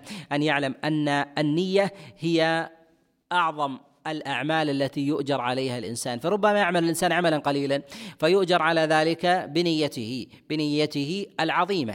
وربما يعمل عملا عظيما فيحرم الأجر العظيم بسبب نيته. والنبي صلى الله عليه وسلم يقول كما في الصحيحين وغيرهما إنما الأعمال بالنيات. وإنما لكل امرئ لكل امرئ ما نوى. كثير من الناس من آه، بعض بعض المجتهدين آه، للعبادة وكذلك المتعبدين. ربما يجهرون بالنية فيقولون وجهت وجهي للذي فطر السماوات والأرض ونحو ذلك. آه، أو ربما ذكر شيئا من النيات في حال عبادته كان كان يقول بسم الله موجها لبيت الله مؤديا لفرض الله الله أكبر ونحو ذلك. أو اللهم إني أنوي أن أصلي لك صلاة الظهر اربعا. فهذا من الأمور فهذا من الأمور المخالفه لسنة رسول الله صلى الله عليه وسلم ولا يعلم في ذلك خبر عن النبي عليه الصلاة والسلام ولا عن أحد من الصحابة ولا عن أحد من التابعين. ولو كان خيرا ولو كان خيرا لسبقونا إليه. ويا رحم الله امرا انتهى انتهى إلى إلى ما قد سمع. وينبغي للإنسان أن يحرص بأداء العبادة كما جاءت عن رسول الله صلى الله عليه وسلم. ومن آكد الأمور في مثل ذلك أن يحرص الإنسان على استقبال القبلة فإن الله جل وعلا أمر أمر بذلك. وهذا محل اتفاق عند العلماء فمن صلى إلى غير القبلة متعمدا متعمدا فقد بطلت صلاته. وهذا وهذا لا خلاف فيه عند العلماء إلا في بعض الصور في مسألة النافلة في السفر. إذا كان الإنسان يصلي على راحلته كذلك أيضا إذا جهل الإنسان وفي بعض الصور في بعض الصور الأخرى. وهذا من الأمور المعلومة في مسائل الفقه عند عند العلماء. وينبغي الإنسان في حال جهل القبلة أن يسأل إذا كان في بلد آه، فيها من يجيبه عن هذا ذلك بعلم أن يسأل وأن يتحرى. وإذا صلى وتحرى واتجه إلى غير القبلة فصلاته صحيحة ولا يجب عليه أن يعيدها. وينبغي للإنسان أن يكبر عند استقبال القبلة وأداء للصلاة وأن يقول الله أكبر ويرفع يديه. كما كان رسول الله صلى الله عليه وسلم يرفع كما كان رسول الله صلى الله عليه وسلم يرفع. والنبي عليه الصلاة الصلاة والسلام. يقول صلوا كما رأيتموني أصلي فأحال الأمر إليه وما أحال إلى غيره. وينبغي أن يعلم أن الإنسان بمجرد تكبيره يحرم عليه ما كان قد جاز له من قبل قبل ذلك. من الأعمال التي كانت يستسيغها الإنسان قبل الصلاة من الكلام والأكل ونحو ذلك. لهذا قال عليه الصلاة والسلام كما جاء في السنن وغيرها من حديث علي بن أبي طالب قال تحريمها التكبير وتحليلها التسليم يعني يحرم على الإنسان بالتكبير ما كان قد جائزا عليه. وتحليل التحليل والتسليم أن يحل له ما كان قد حرم عليه قبل آه، قبل ذلك. وينبغي للإنسان في أدائه للصلاة أن أن يحرص آه، على الخشوع والا ينصرف بقلبه إلى غير المعاني التي يؤديها من من تأمل معاني القرآن والنظر في في ألفاظه وكذلك أحكام الله عز وجل التي يتلوها وكذلك عظم الصلاة من ركوع وقيام وسجود ونحو ذلك. ويرفع الإنسان يديه في حال الصلاة. ورفع اليدين متأكد عند تكبيرة الإحرام متأكد عند تكبيرة الإحرام كما كان رسول الله صلى الله عليه وسلم يفعله ويديمه كما جاء في حديث عبد الله ابن عمر عليه رضوان الله تعالى. وأما كون رفع اليدين من الأمور الواجبة قال به بعض الفقهاء من أهل الرأي والصواب في ذلك أنه والصواب في ذلك أنه سنة سواء في تكبيرة الإحرام والواجب في ذلك هو لفظ التكبير أن يقول الإنسان الله الله أكبر. وينبغي للإنسان في ذلك في حال في حال رفعه ليديه أن يبسط كفيه ويضع أصابعه ويوجهها مع جهة القبلة. جاء عن حفص بن عاصم إنه قال من السنة من السنة في الصلاة أن يبسط كفيه ويضم أصابعه ويوجهها مع مع, وجهه إلى القبلة واستقبال القبلة بالكفين عند التكبير. هذا جاء موقوف على عبد الله بن عمر عليه رضوان الله تعالى. وأما عن رسول الله صلى الله عليه وسلم فلم يثبت في ذلك فلم يثبت في ذلك شيء. وينبغي للإنسان أن يحرص على استقبال القبلة بجسده كله. وقد كان ذلك عبد الله بن عمر يفعله كما جاء عند ابن سعد في كتاب الطبقات أنه كان كان إذا كبر استحب أن يستقبل يستقبل بإبهامه القبلة أي يستقبل بباطن كفيه القبلة. وهذا إشارة إلى أنه ينبغي الإنسان في حال الصلاة أن يستقبل بسائر أطرافه جسده القبلة. فإن هذا من الأمور من الأمور المتأكدة في الصلاة. والنبي صلى الله عليه وسلم كان يكبر وتكبيره في ذلك من جهة الصفة. جاء عنه جملة من جهة التكبير. تارة يكبر النبي عليه الصلاة والسلام مع قوله الله أكبر وتارة قبلها وتارة بعدها مباشرة. فهذا كله من الأمور الجائزة التي إن فعلها الإنسان جاز وأتى بالهدي والسنة التي جاءت عن رسول الله صلى الله عليه وسلم. ويسن ويتأكد للإنسان في حال أداء الصلاة أن يضع سترة أمامه كما كان النبي عليه الصلاة والسلام كما كان النبي صلى الله عليه وسلم يفعل ويحث أصحابه. بل كان النبي عليه الصلاة والسلام يديم ذلك فكان إذا سافر إذا سافر أخذ العنزة معه والعنزة هي هي عصا ينصبها الرجل بين يديه. في حال أدائه الصلاة وقد كان النبي صلى الله عليه وسلم يفعل ذلك. وأما بالنسبة لوضع البصر في الصلاة بعد تكبيرة الإحرام فالإنسان يضع بصره في الصلاة في الموضع الذي هو أخشع له إلا أنه ينبغي له أن يعلم أنه أنه يحرم عليه أن ينظر إلى السماء ويتأكد في حقه عدم الالتفات ويكره كراهة شديدة. أما بالنسبة وضع البصر إذا وضعه بين يديه أو وضعه موضع سجوده أو وضعه إلى الأمام فإن هذا من الأمور الجائزة. شريطة أن يكون ذلك هو أخشع لقلبه. جاء في جملة من الأخبار النبي عليه الصلاة والسلام يضع بصره موضع سجوده حتى خرج من الصلاة وهذا وهذا إسناده ضعيف ولا يثبت عن النبي عليه الصلاة والسلام فيما أرى في ذلك في ذلك شيء إلا أنه ينبغي الإنسان أن يحرص على الخشوع وأن تظهر منه السكينة والتضرع والاستكانة لله جل وعلا. وقد جاء هذا عن جماعة من السلف كما جاء عن محمد بن سيرين أنه أنه قال في قول الله جل جل وعلا قد أفلح المؤمنون الذين هم في صلاتهم في صلاتهم خاشعون. قال كان رسول الله صلى الله عليه وسلم إذا صلى رفع رأسه إلى السماء تدور عيناه ينظر ها هنا وها هنا فأنزل الله عز وجل عليه الآية السابقة فطأطأ ابن عون رأسه ونكسه في الأرض وهذا من الأحاديث المرسلة وطأطأة الرأس في ذلك في الصلاة تفتقر إلى دليل إلا أنه ينبغي للإنسان أن يعلم أن أن موضع البصر وكذلك هيئته في صلاته ينبغي أن توافق السنة. فإذا وافقت السنة ولم تخالف هديا أنه يفعل ما هو أسمح لأدائه لأدائه الصلاة لأدائه الصلاة خاشعا لأن الخشوع هو قلب قلب الصلاة. وينبغي للإنسان أيضا أن يحرص على عدم إشغال قلبه بإطلاق بصره يمنة ويسرى أو كذلك إلى السماء أو كذلك أيضا في الزخارف في زخارف المساجد أو السجاد ونحو ذلك. فلهذا يقال أن الإنسان يضع البصر فيما هو فيما هو أسمح أسمح لصلاته وأخشع وأخشع لها. وكذلك أيضا بالنسبة لوضع القدمين حال حال قيام الإنسان. الإنسان في ذلك السنة في حقه أن يكون أن يقوم معتدلا. ألا يقوس جسده أو يميل جسمه يمنة أو يسرى بل ينبغي أن أن أن يصلب جسمه. وهذا وهذا في إشارة إلى تعظيم الموقوف بين بين يديه. وقد جاء في ذلك كما جاء عند ابن أبي شيبة من حديث عيينة بن عبد الرحمن قال كنت مع أبي في المسجد فرأى رجلا صافا بين قدميه فقال ألزق إحداهما بالأخرى. لقد رأيت في هذا المسجد ثمانية عشر من أصحاب النبي عليه الصلاة والسلام. ما رأيت أحدا منهم فعل هذا قط. أي أن الإنسان ينبغي في ذلك إذا في حال أدائه للصلاة أن أن يقوم معتدلا مستويا ناصبا جسده وصافا بين ملزقا بين قدميه ومقاربا لها من غير كلفة ولا تفريج شاق ظاهر في هذا وهذا هو هدي أصحاب رسول الله صلى الله عليه وسلم. وقد جاء عند النسائي وغيره كذلك أيضا من حديث أبي عبيدة عن أبيه عبد الله بن مسعود عليه رضوان الله تعالى أنه رأى رجلا قد صف بين قدميه فقال أخطأ السنة. لو راوح بينهما كان أعجب إلي. أي أنه ينبغي للإنسان في مثل هذا إذا كانت صلاته طويلة أن يراوح بينهما حتى لا يمل الصلاة. إذا كانت الصلاة طويلة خاصة مثلا في قيام الليل أو في الصلاة التي يطيل بها الإنسان آه، مع سواء مع جماعة أو كان أو كان منفردا. ويستحب للإنسان في ابتدائه للصلاة بعد تكبيرة الإحرام أن يشرع بدعاء الاستفتاح كما جاء النبي عليه الصلاة والسلام. فيقول كما جاء في البخاري وغيره من حديث أبي هريرة أن النبي عليه الصلاة والسلام كان يسكت بين التكبير وبين القراءة. إسكاتة فقلت بأبي وأمي يا رسول الله إسكاتتك بين التكبيرة والقراءة. ما تقول فيها؟ قال أقول اللهم باعد بيني وبين خطاياي كما بعدت بين المشرق والمغرب. اللهم نقي من من الخطايا كما ينقى الثوب الأبيض من الدنس. اللهم اغسل خطاياي بالماء والثلج والثلج والبرد. وقد جاء عن رسول الله صلى الله عليه وسلم أنه كان يستفتح صلاة أنه كان يستفتح صلاة الليل كما جاء في حديث علي بن أبي طالب. فقال عليه الصلاة والسلام وجهت وجهي للذي فطر السماوات والأرض حنيفا وما أنا من المشركين. إن صلاتي ونسكي ومحياي ومماتي لله رب العالمين. لا شريك له وبذلك أمرت وأنا من المسلمين. اللهم أنت الملك لا إله إلا أنت. أنت ربي وأنا عبدك. ظلمت نفسي واعترفت بذنبي. فاغفر لي فاغفر لي ذنبي جميعا. إنه لا يغفر الذنوب إلا أنت. واهدني لأحسن الأخلاق. لا يهدي لأحسنها إلا أنت. واصرف عني سيئها. لا يصرف عني سيئها إلا أنت. لبيك وسعديك. والخير كله في يديك. والشر ليس إليك.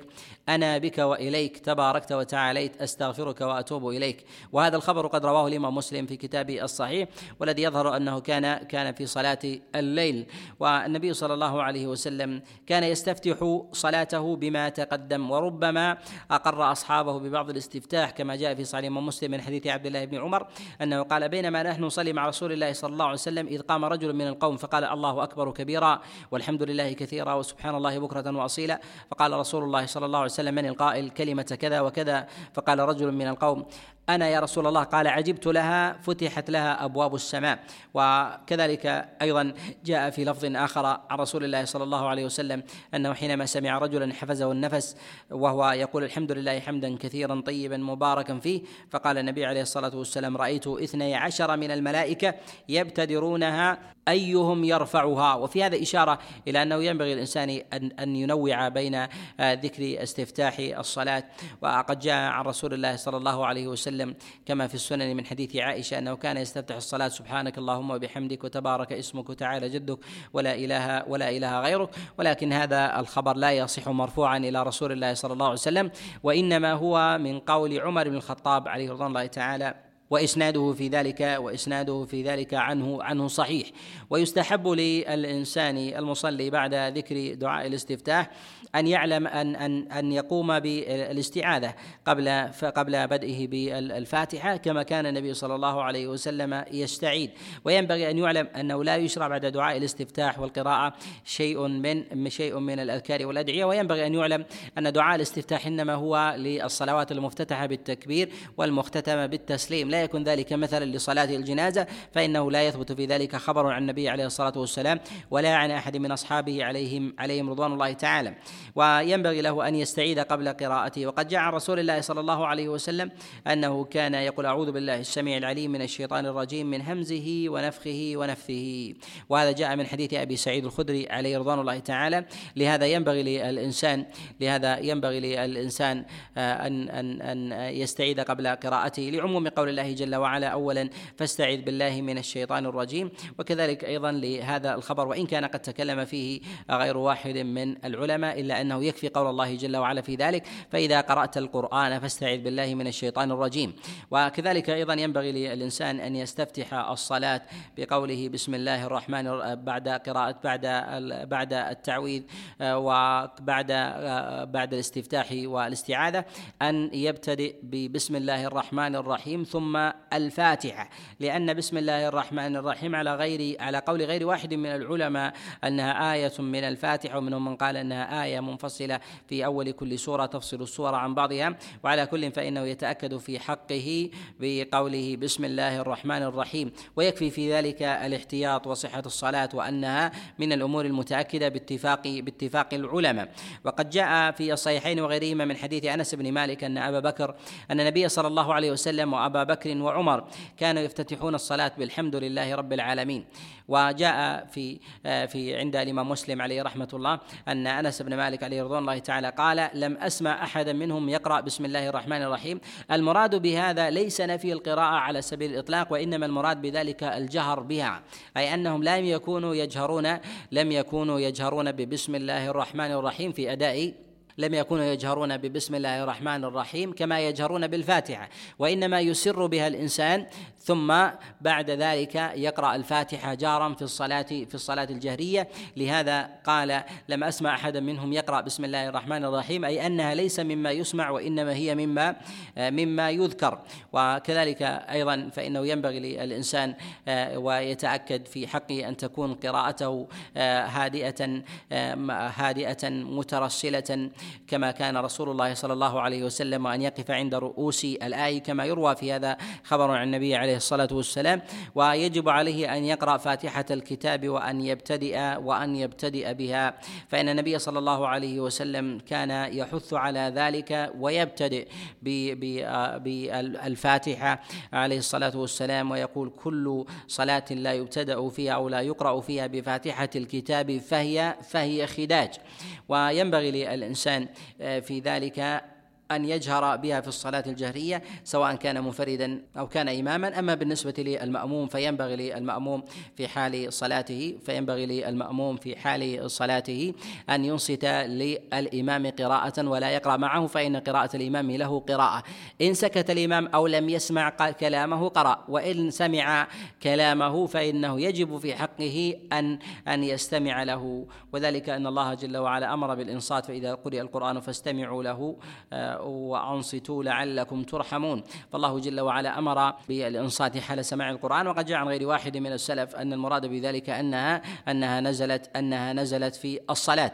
وينبغي للإنسان أن يقرأ معها سورة ويأتي الكلام على ذلك بإذن الله تعالى.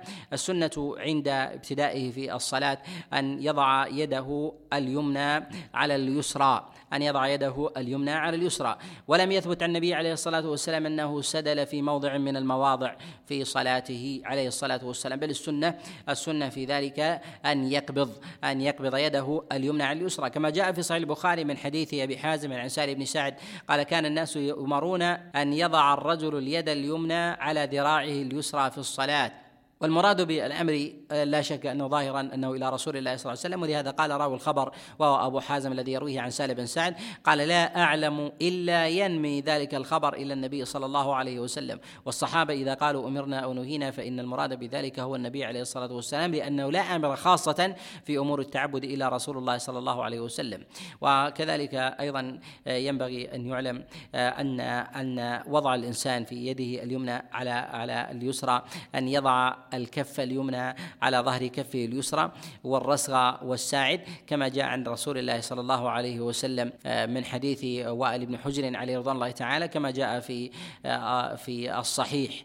وهذا أصله في الصحيح وهو عند أبي داود وكذلك النسائي أنه قال وضع رسول الله صلى الله عليه وسلم يده اليمنى على ظهر كفه اليسرى والرسغ والساعد.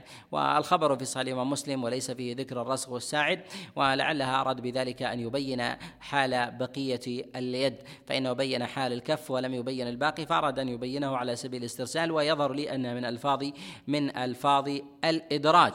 وينبغي آه، ان ان أن آه، يعلم أن هذا هو هدي أصحاب رسول الله صلى الله عليه وسلم وكذلك أيضا آه، كذلك أيضا من التابعين. فقد جاء في قد جاء في حديث أبي زياد مولى آل دارج كما روى عبد كما روى ابن عساكر في تاريخ دمشق. قال ما رأيت فنسيت فإني لم انسى أن أبا بكر الصديق كان إذا قام إلى الصلاة قام هكذا وأخذ بكفه اليمنى على ذراعه اليسرى لازقا لازقا بالكوع. وينبغي أن يعلم يعلم أيضا أن الصحابة عليهم رضوان الله تعالى يلتزمون ذلك كذلك أيضا التابعون يلتزمون هذا وأتباعهم كما جاء عن عمر بن عبد العزيز كما رواه أبو نعيم في كتابه الحلية أنه قال كما جاء في حديث عبد الله السلمي قال كان عمر ابن عبد العزيز إذا صلى أو مشى أو قعد إنما يضع كفه اليمنى على ذراعه على ذراعه اليسرى. وهذا من السنن التي ينبغي للإنسان أن أن أن يأخذ بها في حال أدائه أداء الصلاة. أما موضع اليد من الجسد من جسم الإنسان هل يضعها على صدره أم يضعها على سرته أم يضعها أسفل من السرة؟ فيقال إن هذا جاء في ذلك جملة من الأخبار عن رسول الله صلى الله عليه وسلم أن النبي كان يضعها يضعها على سبيل الإجمال. جاء فيه ألفاظ أن النبي يضعها على صدره كما جاء في حديث وائل بن حجر عند أبي داود وغيره من حديث عاصم بن كليب عن أبيه عن وائل بن حجر أن النبي عليه الصلاة والسلام وضع يده اليمنى على اليسرى على صدره وهذا من مفاريد مؤمل بن إسماعيل في روايته عن سفيان ولا يثبت عن النبي عليه الصلاة والسلام أنه وضع اليد اليمنى على الصدر وإنما يضعها على الإجمال فيضع الإنسان يده اليمنى على اليسرى سواء كان على صدره أو على بطنه أو على سرته أو كان دون ذلك.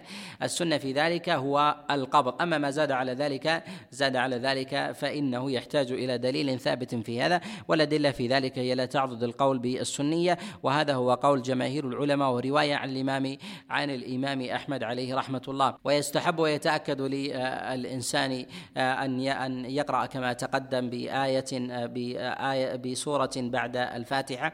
والفاتحة كما تقدم فهي ركن من أركان الصلاة. ولهذا قال النبي عليه الصلاة والسلام كما جاء في الصحيحين وغيرهما لا صلاة لمن لم يقرأ بفاتحة الكتاب. وقال عليه الصلاة والسلام كل صلاة لا يقرأ فيها بأم القرآن فهي فهي خداج ويجهر في الجهرية ويسر بالسرية والجار في ذلك سنة متأكدة. وكذلك فإنه إذا ختم قراءة الفاتحة فإنه يقول آمين. يمد بها صوته إذا كان قارئا بالجهر ويؤمن معه الناس من خلفه ويؤمن الناس معه من خلفه. ولو أمن الناس كانوا في مقام الداعي. ولهذا لما ذكر الله عز وجل حال موسى مع حال موسى وهارون مع فرعون قال الله جل وعلا وقال موسى ربنا إنك آتيت فرعون فرعون وملأه زينة وأموالا في الحياة الدنيا. ربنا ليضلوا عن سبيلك. ربنا اطمس على أموالهم واشدد على قلوبهم فلا يؤمنوا حتى يروا العذاب الأليم. قال الله جل وعلا بعد هذا الدعاء والداعي موسى قال قد أجيبت دعوتكما فاستقيما ولا تتبعان سبيل الذين لا يعلمون فالله عز وجل قال في أول الآية وقال موسى ربنا إنك آتيت ثم قال الله جل وعلا قد أجيبت دعوتكما إشارة إلى أن ثمة تأمين. والمؤمن في ذلك هارون فكان المؤمن في مقام في مقام الداعي.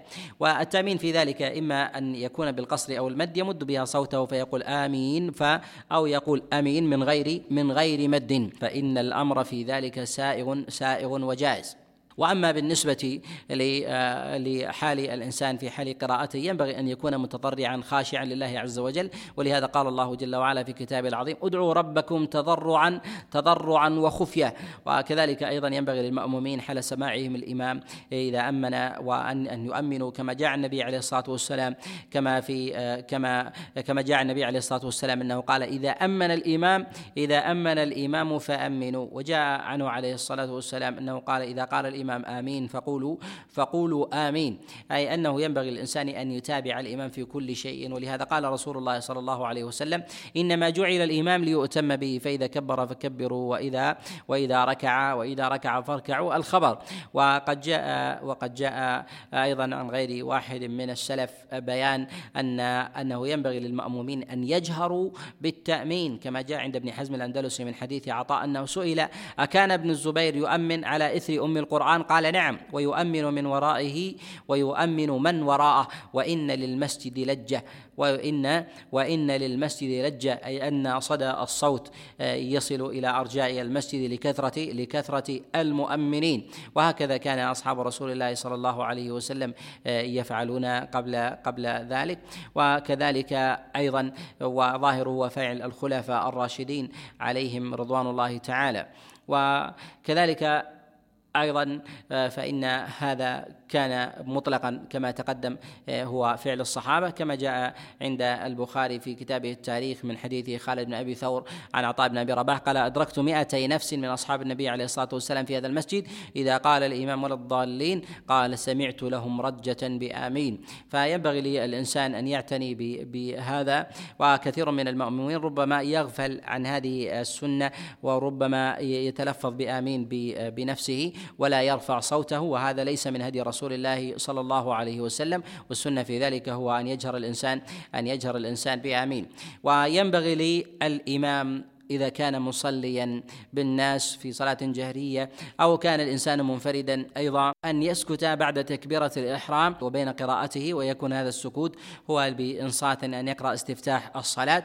وأما بالنسبة للسكتة بعد قراءة الفاتحة فقد جاء في ذلك جملة من الأخبار عن رسول الله صلى الله عليه وسلم وعن بعض السلف. ولا يصح في هذا ولا يصح في هذا شيء. وأما بالنسبة للمأموم إذا قرأ الإمام في صلاة الجهرية ينبغي له أن ينصت كما جاء عند عبد الرزاق من حديث عبد الله بن عمر قال ينصت للإمام فيما يجهر به في الصلاة ولا يقرأ ولا يقرأ معه. وهذا الذي عليه عمل الصحابة عليهم رضوان الله كما جاء عن عبد الله بن عباس وابن مسعود وابن عمر وأبي هريرة وعائشة ولا يعلم له مخالفا من وجه صحيح صريح بل إنه قد يكون قد يكون هو هو الإجماع. وقد روى عبد الرزاق شيئا ربما يفهم منه المخالفه في ذلك كما جاء عن يزيد عن يزيد بن شريك أنه قال لعمر أقرأ خلف الإمام. قال نعم. قلت وإن قرأت يا, يا أمير المؤمنين؟ قال نعم وإن قرأت. وهذا في قول يحتمل أن أن يكون في هذا هو صلاة سرية ويحتمل في ذلك أن يكون أنه يقرأ الإنسان بين سكتات بين سكتات الإمام إلا أن عمل الأكثر في ذلك هو على عمل الأكثر في ذلك هو على الإنصات. ولو فعل الإنسان القراءة في حال السكتات فإن هذا مما لا حرج مما لا حرج فيه. والسكوت في حال قراءة الفاتحة هو كذلك يأخذ آه، يأخذ حكمه السكوت في حال قراءة السورة بعد بعد الفاتحة. وينبغي أن يعلم أن قراءة السورة بعد الفاتحة مما لا يختلف العلماء في مشروعيته وتأكيده في مشروعيته وتأكيده. ويستثنى من ذلك الركعتين الأخريين من الصلاة الرباعية والركعة الثالثة من الصلاة من الصلاة الثلاثية من الصلاة الثلاثية وجاء ذلك في ظاهر بعض الأحاديث عن رسول الله صلى الله عليه وسلم آه، أنه لم يكن يقرأ كما جاء في الصحيحين من حديث أبي قتادة أن النبي صلى الله عليه وسلم كان يقرأ في الظهر في الأوليين بأم القرآن وسورتين وفي الركعتين الأخريين بأم الكتاب ويطول في الركعة الأولى ما لا يطول في الثانية. قال ابن سيرين لا أعلمهم يختلفون يختلفون في هذا أي أنه ينبغي الانسان أن يقرأ في السورة في الركعتين الأوليين. بعد الفاتحة وأما ما كان في الثالثة والرابعة فإنه لا يقرأ فيها وهذا قول عامة العلماء وقول الإمام أبي حنيفة ومالك وأحمد والشافعي في مذهبه الجديد. وأما القراءة في الركعتين الأخريين من الرابعة أو الثالثة فهذا قد جاء عن بعض عن بعض السلف. روي عن عبد الله بن عمر عليه رضوان الله تعالى وجاء عن عن غيره أيضا. وهذا يحتمل إما أن يكون من ألفاظ العموم وأريد بها الخصوص كالركعتين الأوليين واحتمال أنه من مسائل الاجتهاد التي يفعلها الإنسان تارة ويدعها ويدعها تارة أخرى إلا أن ظواهر النصوص الواردة عن رسول الله صلى الله عليه وسلم في ذلك أن الإنسان ينبغي له أن يلتزم ينبغي له أن يلتزم قراءة الفاتحة والسورة في الركعتين الأوليين. وأما في الركعة الثالثة والرابعة فإنه يقرأ سورة الفاتحة كما هو الظاهر. وينبغي للإنسان أن يجعل في قراءته في الصلاة لكل ركعة سورة كما كان النبي صلى الله عليه وسلم كما كان النبي صلى الله عليه وسلم يجعل لكل ركعة لكل ركعة سورة. وأما الفصل بين السور ولو كانت قصارا فإن هذا خلاف السنة. وأما قراءة مثل السور القصيرة كسورة الغاشية أو البروج أو سورة عما ونحو ذلك في ركعتين فهذا خلاف الأولى. والأولى في ذلك أن يجعل كل سورة لركعة ويستثنى من ذلك السور الطويلة. ولو قرأ آية أو فصل سورة فإن هذا مما لا حرج فيه إلا أن الأولى أن يجعل لكل ركعة لكل ركعة حظها.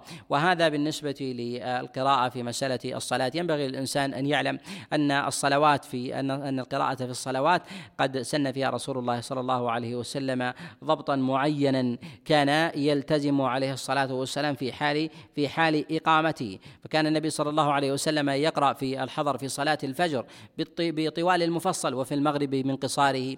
وفي الباقي كان النبي صلى الله عليه وسلم يقرأ في أواسط في أواسطه والمراد بذلك في صلاة العشاء وصلاة الظهر وصلاة العصر. ويستثنى من ذلك بعض الأحوال التي لا حرج على الإنسان أن يغاير أن يغاير في هذا. وينبغي أن يعلم أن القراءة في ذلك إن من جهة الإطالة وعدمها باختيار الطوال والأواسط والمفصل أن ذلك في حال الإقامة. أما في حال السفر فالسنة في ذلك على الدوام أن يخفف أن يقرأ من القصار. فإن هذا فإن هذا هو فعل فعل أصحاب رسول الله صلى الله عليه وسلم وأرى ذلك أنه من عملهم ديما. لأن هذا مقتضى الأصل فإن الرجل قد وضعت عنه شطر الصلاة فينبغي أن يوضع عنه أيضا الإطالة في القراءة لأن هذا أقرب إلى التيسير. وقد جاء عند ابن أبي شيبة من حديث من حديث ابن سويد أنه خرج مع عمر بن الخطاب حاجا فصلى بهم الفجر فقال فقرأ لإلاف قريش. وألم ترى كيف فعل ربك. وجاء أيضا من حديث عمرو بن ميمون أنه قرأ في سفر بقل يا أيها الكافرون وقل هو الله وقل هو الله أحد. وهذا فيه إشارة إلى التخفيف آه، في صلاة السفر ولو كانت في صلاة الفجر ألا يقرأ ب ألا يقرأ بالطوال. وكما تقدم في مسألة فصل الصلاة الصلاة الواحدة آه، الركعة الواحدة أو السورة الواحدة بين ركعتين ولو كانت قصيرة فإن هذا ليس من سنة رسول الله صلى الله عليه وسلم. وقد روى الإمام أحمد في كتاب المسند من حديث أبي العالي رفيع بن مهران قال حدثني من سمع رسول الله صلى الله عليه وسلم قال لكل سورة حظها من الركعة. وهذا إسناده صحيح. المراد من ذلك أنه ينبغي أن تستوعب الركعة السورة تامة فلا يفصلها بين بين ركعتين. وقد كان الصحابة عليهم رضي الله تعالى ولو شرعوا في السورة الطويلة لا لا يقطعونها بين ركعتين. كما جاء ذا عن أبي بكر الصديق كما جاء عند البيهقي وعبد الرزاق أن أبا بكر الصديق قرأ البقرة في قرأ البقرة في ركعتين. وجاء عند ابن أبي شيبة وغيره أيضا من حديث يحيى بن عبد الرحمن بن حاطب أن عمر قرأ بآل عمران في الركعتين الأوليين من العشاء قطعها يعني فيهما. وهذا من حال أصحاب رسول الله صلى الله عليه وسلم إشارة إلى الجواز إشارة إلى جواز القطع وأن الغالب في حالهم وما تقدم الإشارة إليه هو عدم عدم الفصل. والجواز في ذلك إشارة إلى التيسير إلا أنه ليس هو الأغلب في فعلهم. وأما أن يختار الإنسان آية من القرآن أو آيات من من أواسط السور فيريد أن يقرأ بها فإن هذا من الأمور الجائزة الجائزة في ذلك. قد جاء هذا عن جماعة من السلف في هذا أيضا كما جاء عن تميم الداري عند ابن أبي شيبة أنه ردد قول الله جل وعلا أم حسب الذين اجترحوا السيئات أن نجعلهم كالذين آمنوا وعملوا الصالحات سواء محياهم ومماتهم وجاء أيضا عند ابن أبي شيبة من حديث سعيد بن جبير عليه رضوان الله تعالى أنه كان يصلي بهم في شهر رمضان يردد قول الله جل وعلا فسوف يعلمون إذ الأغلال في أعناقهم والسلاسل يسحبون في الحميم ثم في النار في النار يسجرون. وأما ما جاء رسول الله صلى الله عليه وسلم أنه كرر آية واحدة في قول الله جل وعلا إن تعذبهم فإنهم عبادك فهذا لا يثبت عن رسول الله صلى الله عليه وسلم آه، في خبر وقد جاء عند الإمام أحمد والنسائي وابن ماجه وإسناده في ذلك وإسناده في ذلك ضعيف. وينبغي للإنسان أن يغاير بين السور وأن يسعى على ترتيب آه، المصحف في ذلك. ولو غاير وقدم وأخر فلا حرج في ذلك شريطة ألا ينكس الآية من السورة الواحدة. والسنة في هذا أيضا الإنسان إذا كان لا يستطيع القراءة أو كان جاهلا أميا أن يسبح وأن يهلل فإن ذلك يجزئ عنه كما جاء النبي عليه الصلاة والسلام في السنن وغيرها أن رجلا قال يا رسول الله إني لا أستطيع أن آخذ شيئا من القرآن فعلمني ما ما يجزئني منه. فقال قل سبحان الله والحمد لله ولا إله إلا الله والله أكبر ولا حول ولا قوة إلا ولا قوة إلا بالله. فقال هذا لله فما لي قال تقول اللهم اغفر لي وارحمني وارزقني واهدني. وينبغي للإنسان الحرص على الخشوع فإن الخشوع هو هو قلب الصلاة وكل شيء روح وقلب وقلب الصلاة هو هو خشوعها. وانشغال الإنسان الذي يطرأ عليه أحيانا آه الذي يطرأ عليه أحيانا. فينبغي الانسان أن يدفعه. فقد أكد الله عز وجل مسألة الخشوع وجعل منقبه ذلك لأهل الإيمان الخلص كما جاء رسول كما جاء في قول الله جل وعلا واستعينوا بالصبر والصلاة وإنها لكبيرة إلا على الخاشعين. المراد بهذا أن الإنسان الذي يؤدي الصلاة من غير خشوع ستكون ثقيلة عليه. أما الذي يؤديها بخشوع وتدبر فإنه يحبها. ولهذا رسول الله صلى الله عليه وسلم كان إمام الخاشعين فكان يقول لبلال أرحنا بها يا بلال. أي يلتمس الراحة بأداء الصلاة. ولهذا قال النبي صلى الله عليه وسلم وجعلت قرة عيني وجعلت قرة عيني في الصلاة أي راحتي وطمأنينتي وميل قلبي في الصلاة. بخلاف الذي لا يخشع فإن الصلاة ستكون ستكون ثقيلة عليه. وينبغي أيضا أن يعلم أن ما يطرأ الإنسان من أفكار ينبغي أن يقطعها وربما يطرأ حتى على بعض الصالحين ونحو ذلك أو الخاشعين أو العباد من الخواطر التي لا يسلم منها. لا يسلم منها بشر. وقد جاء النبي عثمان النهدي عن عمر بن الخطاب أنه قال إني لأجهز جيشي وأنا في الصلاة. والمراد من هذا أن الإنسان ينصرف آه، تارة من غير قصد ولو إلى عمل عمل صالح. ومن العلماء من قال بجواز ذلك إذا كان في المصالح العامة التي تغلب تغلب حال آه، حال الإنسان.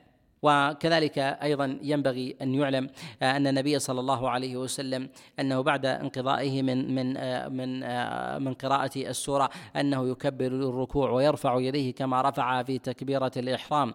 والركوع هو قبل السجود بالاتفاق ولا خلاف عند العلماء في ذلك. ولا خلاف ولا خلاف عند العلماء عند العلماء في ذلك.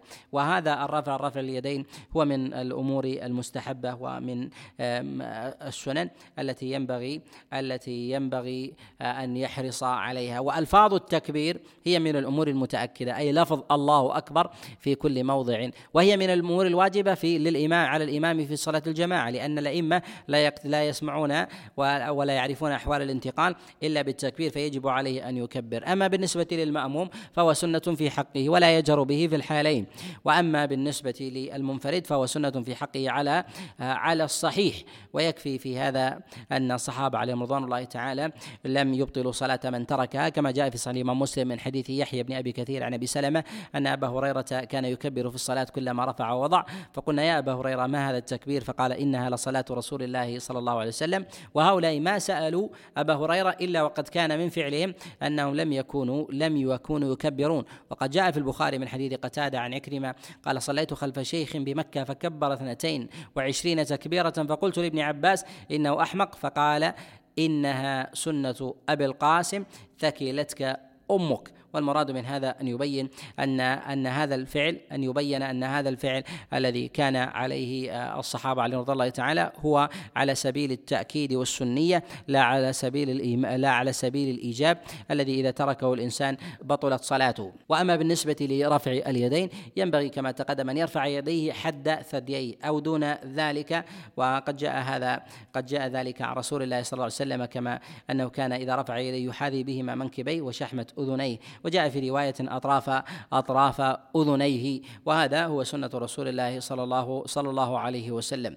والمواضع التي جاء النبي عليه الصلاة والسلام أنه كان يرفع يديه فيها هي تكبيرة الإحرام والركوع والرفع من الركوع والرفع من الركعة الثانية للثالثة.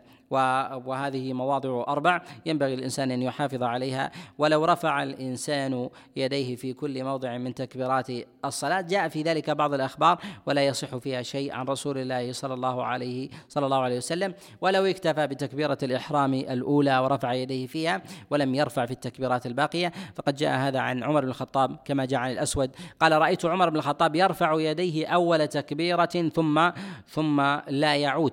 أي أنه كان لا يرفع يديه بعد بعد بعد ذلك. وهذا جاء أيضا عن علي بن أبي طالب عليه رضوان الله رضوان الله تعالى. وأما رفع اليدين في حال السجدات فإن هذا مما لا يثبت عن النبي عليه الصلاة والسلام إلا عند الرفع من إلا عند الرفع من التشهد الأول إلى الركعة الثالثة. فإن هذا مما مما جاء عن رسول الله صلى الله عليه وسلم في حديث عبد الله عبد الله بن عمر. ولكن قد جاء عن عبد الله بن عمر أنه كان يرفع يديه عند أنه كان يرفع يديه إذا دخل في الصلاة وإذا ركع وإذا قال سمع الله لمن حمده وإذا سجد بين الركعتين. وإسناده عن عبد الله بن عمر صحيح. فإذا فعل الإنسان في بعض الأحيان فإن هذا مما مما لا حرج مما لا حرج فيه. وينبغي للإنسان في حال ركوعه أن يطمئن في حال ركوعه ولهذا قد جاء في آه، صحيح البخاري من حديث أبي حميد الساعدي أنه قال كان النبي صلى الله عليه وسلم إذا ركع حصر ظهره أي ثناه في استواء من غير تقويس. وهذا هو سنة رسول الله صلى الله عليه وسلم. ولهذا جاء في صحيح مسلم أن النبي عليه الصلاة والسلام لم يشخص رأسه ولم يصوبه ولكن بين ذلك يعني في حال في حال الركوع. وهذا من اعتداله عليه الصلاة والسلام من غير غير من غير من غير إفراط أو تفريط في هيئة الإنسان في حال في حال ركوعه. وينبغي الإنسان أن يعلم أن عدم الطمأنينة في الصلاة هي مما يفوت على الإنسان الأجر وربما أبطل صلاته. وقد جاء عند محمد بن ناصر من حديث زيد بن وهب أن حذيفة بن اليمان رأى رجلا لا يطمئن في ركوعه وسجوده. قال منذ متى وأنت تصلي هذه الصلاة؟ قال منذ أربعين سنة. قال منذ أربعين سنة ما صليت. ولو مت على هذا لمت على غير فطرة محمد صلى الله عليه وسلم. وينبغي الإنسان أيضا أن يطيل في ركوعه وهذا من السنن المهجورة أن يطيل في الركوع وأن يكثر أيضا من تعظيم الله عز وجل وإجلاله وتعظيمه ويخص في ذلك ألفاظ التعظيم الواردة كأن يقول الإنسان سبحانك اللهم وبحمدك أو سبحان ربي العظيم. فإن هذا ما جاء عن رسول الله صلى الله عليه وسلم. كما جاء عند أبي داود النسائي بن ماجه من حديث من حديث إياس بن عامر عن عقبة بن عامر أنه قال لما نزلت فسبح باسم ربك الأعلى باسم ربك العظيم قال رسول الله صلى الله عليه وسلم اجعلوها في ركوعكم. فلما نزلت سبح اسم ربك الأعلى قال لا نجعلوها في سجودكم. وقد تكلم في هذا الخبر غير واحد ولكن هذا من أمور السنة التي لا خلاف فيها عند العلماء أن يعظم الله عز وجل أن يعظم الله عز وجل في سجوده أن يعظم الله عز وجل في ركوعه وكذلك أيضا في سجوده فيقول في الركوع سبحان ربي العظيم وأن يقول أيضا سبحان ربي الأعلى في سجوده وذلك لمناسبة اللفظ فإن فإن في حال السجود الإنسان يكون منخفضا فإذا رفع كان كان فإذا كان في حال السجود يكون دانيا من الأرض فيحتاج إلى تعظيم الله عز وجل. وهذا أيضا ينبغي الإنسان أن ينشغل بدعاء الله سبحانه وتعالى وألا ينصرف في حال سجوده فإن أقرب ما يكون العبد إلى ربه وهو وهو ساجد. وهذا من الأمور التي ينبغي للإنسان ينبغي للإنسان أن يحرص أن يحرص عليها.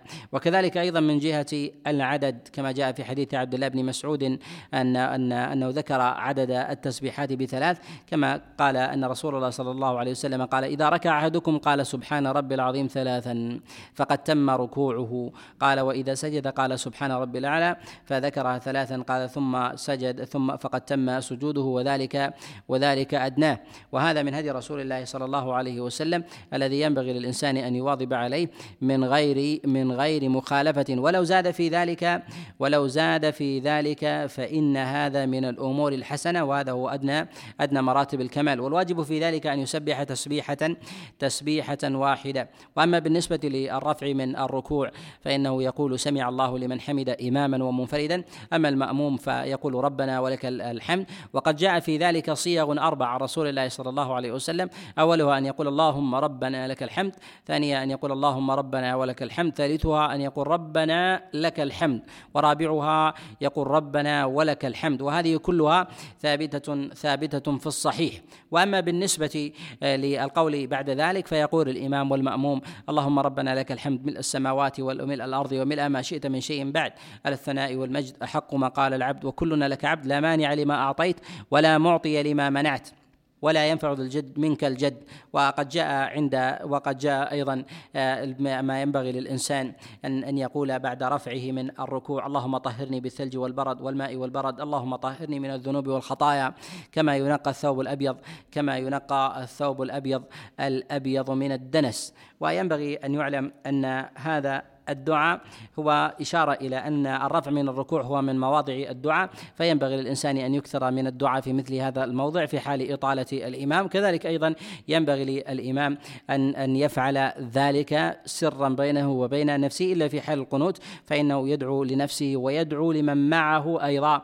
فلا يخص نفسه ب فلا يخص نفسه بالدعاء وكذلك أيضا في حال انتهائه من ذلك الذكر أن يهوي للسجود والهوي في السجود في ذلك أن يكون أيضا على طمأنينة. وأما بالنسبة لتقديم اليدين أو الركبتين في هذا فقد جاء في ذلك جملة من الأحاديث ولا يصح منها شيء منها ما يقدم الركبتين ومنها ما يقدم اليدين ولا يثبت عن رسول الله صلى الله عليه وسلم في ذلك خبر من جهة من جهة الوقف من جهة الوقف ذلك على اليدين أو وقف ذلك على الركبتين وكل في ذلك ضعيف سواء حديث وائل بن حجر أو حديث أبي هريرة عليه رضوان الله تعالى وإنما الثابت في ذلك بعض الموقوفات. والثابت في ذلك بعض الموقوفات. السنة أن أن أن يسجد على سبعة أعظم وهي واجبة. ولهذا أمر النبي عليه الصلاة والسلام وبين أنه أمر بذلك بقوله أمرت أن أسجد على سبعة أعظم وهذه الأعظم هي الجبهة وأشار بيده إلى الأنف واليدين والركبتين وأطراف القدمين. وإن لم يسجد على أحد من هذه الأعضاء في صلاته فإنه قد فرط في هذا فرط في هذا ونقص ونقصت صلاته بل قال بعض العلماء ببطلانها ببطلانها. والوجوب في ذلك يسقط ولو بشيء يسير. ولو بشيء يسير يمس بهذه الأعضاء السبعة في حال في حال سجوده. وكذلك أيضا كما جاء في صفة سجود رسول الله صلى الله عليه وسلم كما جاء في الصحيح من حديث آه، ابن بحينا أن النبي عليه الصلاة والسلام كان إذا صلى فرج بين يديه حتى يبدو بياض بياض إبطيه. وكذلك أيضا ما جاء من حديث البراء قال كان النبي صلى الله عليه وسلم إذا ركع بسط ظهره وإذا سجد وجه أصابع أصابعه قبل القبلة فتفاج. والمراد بهذا أنه ينبغي للإنسان أن يفرج بين يديه وأن يستقبل بأصابعه إلى القبلة. وهذا جاء عن عبد الله بن عمر عليه رضوان الله تعالى كما جاء عند الإمام مالك من حديث نافع عن عبد الله بن عمر. كان يقول إذا سجد أحدكم فليستقبل القبلة بيديه فإنه ما يسجدان مع الوجه.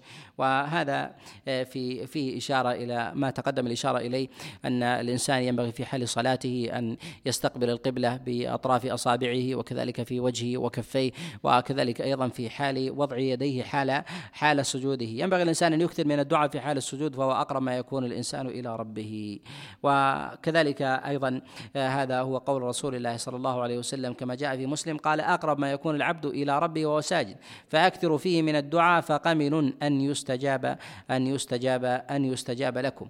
وقد جاء عن رسول الله صلى الله عليه وسلم آه، في آه، في وضع القدمين في حال السجود أنها تكون ملتصقة. جاء في ذلك خبر في حديث عائشة عند ابن خزيمة ولا يصح بل يضع القدمين على الهيئة التي أسمح له ولكن يوجه بأطراف أصابع قدميه القبلة. يوجه بأطراف أصابع قدميه فلا يفرش قدميه إلى الخلف بل يستقبل بهما آه، القبلة. وأن تكون القدمين متجاورة متجاورة لا ملتصقة ولا ولا متفرجه تفرجا تفرجا فاحشا.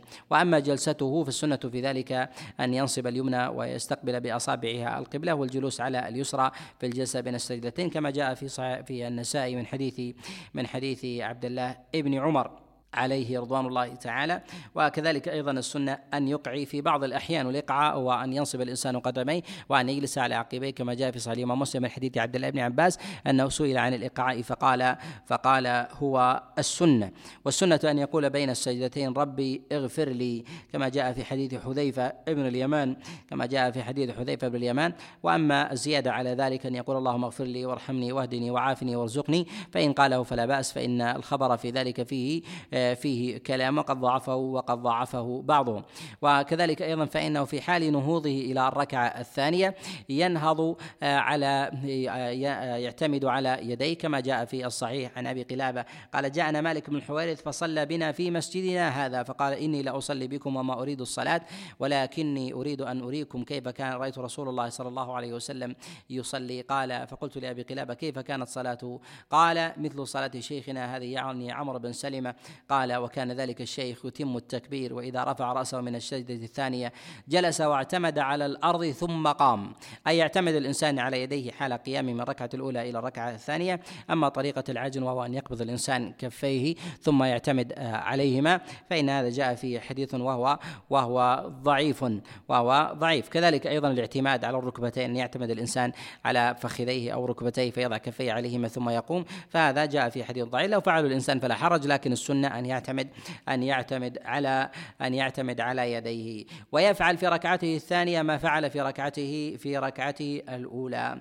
وفي الثانية يجلس للتشهد والتشهد الأول وهو واجب ولا وهو, وهو واجب. وهيئة جلوسه كما تقدم الإشارة إليه في الجلسة بين السجدتين. وهذا مما تكلم فيه بعض العلماء منهم من يرى التورك منهم من يرى افتراش. والصواب في ذلك أن يفترش أن يفترش ولا يتورك كحال بين السجدتين في التشهد الأول سواء كانت الصلاة ثنائية سواء كانت الصلاة ثنائية أو كانت أو كانت رباعية فالتشهد الأول يكون على هذه الحال. أما في التشهد الثاني فهو جلسة أخرى وثمة خلاف بين العلماء في هذه في هذه المسألة. أما بالنسبة للتورك وهو أن يجعل الإنسان وهو ما يكون في التشهد الثاني وعلى قول بعضهم في التشهد الأول في الركعة الثنائية إذا لم إذا لم تكن رباعية قالوا أن يتورك الإنسان وهو أن يجعل الإنسان أو ينصب الإنسان قدمه اليمنى وأن يفترش الأرض وأن يجعل قدمه بين ساقه وبين الأرض. جاء صفة أخرى أن يجعل قدمه بين ساقه وفخذه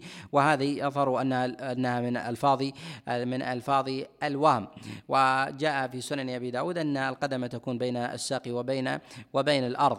ويشرع أن يشير بالأصبع في التشهد. والإشارة عن النبي عليه الصلاة والسلام ثبتت في الصحيح من حديث عبد الله بن عمر. أما نصبها وتحريكها وحنيها فقد جاء فيه أحاديث ضعيفة السنة في ذلك أن يشير. أما موضع الإشارة في عند أي موضع يشير يقال أنه يشير في سائر المواضع في فيها كلها. أما تحديد شيء معين فهذا كله من الاجتهادات وتمسك في بعض الألفاظ وهذا فيه وهذا فيه ما فيه فيحتاج إلى فيحتاج إلى نظر. وأما استقبال القبلة بالأصبع آه، في هذا فإنه لا يصح في ذلك شيء عن رسول الله صلى الله عليه وسلم ولا عن أحد من أصحابه. ويستحب ويتأكد في حقه في تشهده الأخير أن يذكر التشهد أن يذكر التشهد الأول وأن يتم ما جاء في ذلك في حديث عبد الله بن مسعود عليه رضوان الله تعالى. فيقول التحيات لله والصلوات الطيبات. السلام عليك أيها النبي ورحمة الله وبركاته. السلام علينا وعلى عباد الله الصالحين. أشهد أن لا إله إلا الله وأشهد أن محمدا عبده ورسوله. فهذا هو التشهد آه، الأول. ثم بعد ذلك يصلي على رسول الله صلى الله عليه وسلم في التشهد الثاني. وهذا الحديث هو في الصحيحين جاء في الصحيح أيضا من حديث عبد الله بن عباس وجاء أيضا في الصحيح من حديث أبي موسى وغير ذلك. جاء من حديث عبد الله بن عباس أن يقول التحيات المباركات الصلوات الطيبات لله. السلام عليك أيها النبي ورحمة الله وبركاته. السلام علينا وعلى عباد الله الصالحين. أشهد أن لا إله إلا الله وأشهد أن محمدا عبده ورسوله. وجاء أيضا في تشهد حديث أبي موسى التحيات الطيبات والصلوات لله. السلام عليك أيها النبي ورحمة الله وبركاته. السلام علينا وعلى عباد الله الصالحين. أشهد أن لا إله إلا الله وأن محمدا عبده ورسوله. وأما ما جاء في لفظ حديث عبد الله بن مسعود أنه قال السلام عليك أيها النبي. فقال بعضهم أن هذا كان في أن كان في زمن رسول الله صلى الله عليه وسلم وحي وبعد ذلك يقال السلام على النبي. وهذا مسائل اجتهاد ولكن يقال أن يؤتى باللفظ كما جاء عن رسول الله صلى الله عليه وسلم وأخذه الصحابة عنهم فإنهم كانوا يغيبون عن النبي عليه الصلاة والسلام في الأسفار ولا يرونه ومع ذلك لم يكن النبي يحثهم على شيء من التغيير من تغيير هذه هذه الألفاظ. وإذا كان الإنسان في اعتماده في الركعة الثانية بعد تشهده يقوم وإلى الركعة الثالثة فالركعة الأولى تقدم أنه يعتمد على يديه إذا قام للثانية أما من الثانية إلى الثالثة من التشهد الأول إلى الثالثة فلم يثبت عن النبي عليه الصلاة والسلام نوع من اعتماد وقد جاء في حديث في حديث أبي هريرة عند الترمذي كما جاء عن صالح مولى التوأمة عن أبي هريرة أن النبي عليه الصلاة والسلام كان ينهض على صدور قدميه وهو ضعيف وعام أيضا لا يدرى هل هو المراد به في أول الصلاة أم في أم في آخرها. وينبغي أيضا أن يصلي على رسول الله صلى الله عليه وسلم في التشهد الأخير بعد بعد بعد ذكري للتحيات. والسنة في ذلك أن يقول اللهم صل على محمد وعلى آل محمد كما صليت على إبراهيم وعلى آل إبراهيم إنك حميد مجيد. وقد جاء أيضا في حديث أبي حميد الساعدي وفي اللهم صل على محمد وعلى أزواجه وذريته كما صليت على آل إبراهيم. وبارك على محمد وعلى أزواجه وذريته كما باركت على إبراهيم. إنك حميد إنك حميد مجيد. فهذه من صيغ الصلاة ولو صلى على الإجمال أجزاءه والسنة في ذلك أن يأتي أن يأتي بالمشروع. ويسن أن ينشغل بالدعاء بعد تشهده وأن يأتي بالوارد عن النبي عليه الصلاة والسلام كما جاء في الصحيح من حديث أبي هريرة قال قال رسول الله صلى الله عليه وسلم اذا تشهد احدكم فليستعذ بالله من أربع يقول اللهم اني اعوذ بك من عذاب جهنم ومن عذاب القبر ومن فتنه المحيا والممات ومن شر فتنه المسيح الدجال ويذكر غير ذلك من الادعيه ومن العلماء من قال بوجوب الدعاء بهذا الدعاء وهذا قول طاووس وصاب في ذلك انه من السنن السنن المتاكده فاذا قضى دعاءه فقضى دعاءه ذلك يدعو بما شاء وتيسر وتيسر أو يسبح ويهلل ان طال به الدعاء وطال جلوس الامام ثم بعد ذلك يسلم. والسلام به يستبيح الإنسان ما حرم عليه والتسليمة الأولى فرض باتفاق العلماء. حكى الإجماع على ذلك ابن عبد البر وابن المنذر والنووي وغيرهم. ومن العلماء من قال أو من وعامة العلماء على أن التسليمة الثانية هي من السنن وليست من الواجبات. وهذا هو الصواب أن الثانية الثانية سنة. أن الثانية سنة. وقد حكي الإجماع على ذلك. ومن العلماء من قال أن الثانية أيضا أن الثانية أيضا فرض. الصواب أن الصلاة تنقضي بالتسليمة الأولى. أما الثانية فهي سنة وتمام وكمال. وقد جاء عن أصحاب الصحابة عليهم رضوان الله تعالى كما روى عبد الرزاق من حديث نافع عن عبد الله بن عمر أنه كان يسلم عن يمينه واحدة. وجاء عن عائشة عليه رضوان الله تعالى كما جاء عند ابن أبي شيبة من حديث القاسم عن عائشة أنها كانت تسلم تسليمة واحدة قبالة وجهها. والمرأة هذه كلها أسانيد أسانيدها صحيحة. وقد جاء هذا عن علي بن أبي طالب وأنس بن مالك وسلمة بن الأكوع وغيرهم من أصحاب رسول الله صلى الله عليه وسلم. أما أما الزيادة. لفظ وبركاته. السلام عليكم ورحمة الله وبركاته. زيادة وبركاته في السلام. هذه لا تثبت ولا أصل لها في المروي في ذلك عن رسول الله صلى الله عليه وسلم. وهذا بهذا السلام يكون الإنسان قد قضى صلاته وأتى بها كما جاءت عن رسول الله صلى الله عليه وسلم.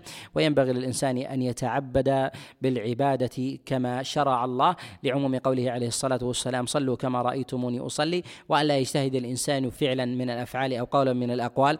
إلا وله أثر في ذلك من كتاب أو سنة أو عمل صحابة على أدنى الأحوال. وبهذا نكتفي بما تقدم على سبيل الإجمال والاختصار لا على سبيل التفصيل والتفصيل وكذلك الإسهاب فإن هذا موضعه ما هو في غير هذا المجلس. ولضيق الوقت تكلمنا على هذه المسائل على سبيل على سبيل الإيجاز. أسأل الله جل وعلا أن يوفقنا وإياكم لمرضاته وصلى الله وسلم وبارك على نبينا محمد وعلى آله وأصحابه ومن تبعهم بإحسان إلى يوم الدين. جزا الله فضيلة الشيخ خير الجزاء وجعلنا الله وإياكم ممن يستمعون القول فيتبعون أحسنه. وتقبلوا تحيات إخوانكم في تسجيلات الراية الإسلامية بالرياض هاتف رقم أربعة تسعة واحد واحد تسعة ثمانية خمسة. والسلام عليكم ورحمة الله وبركاته.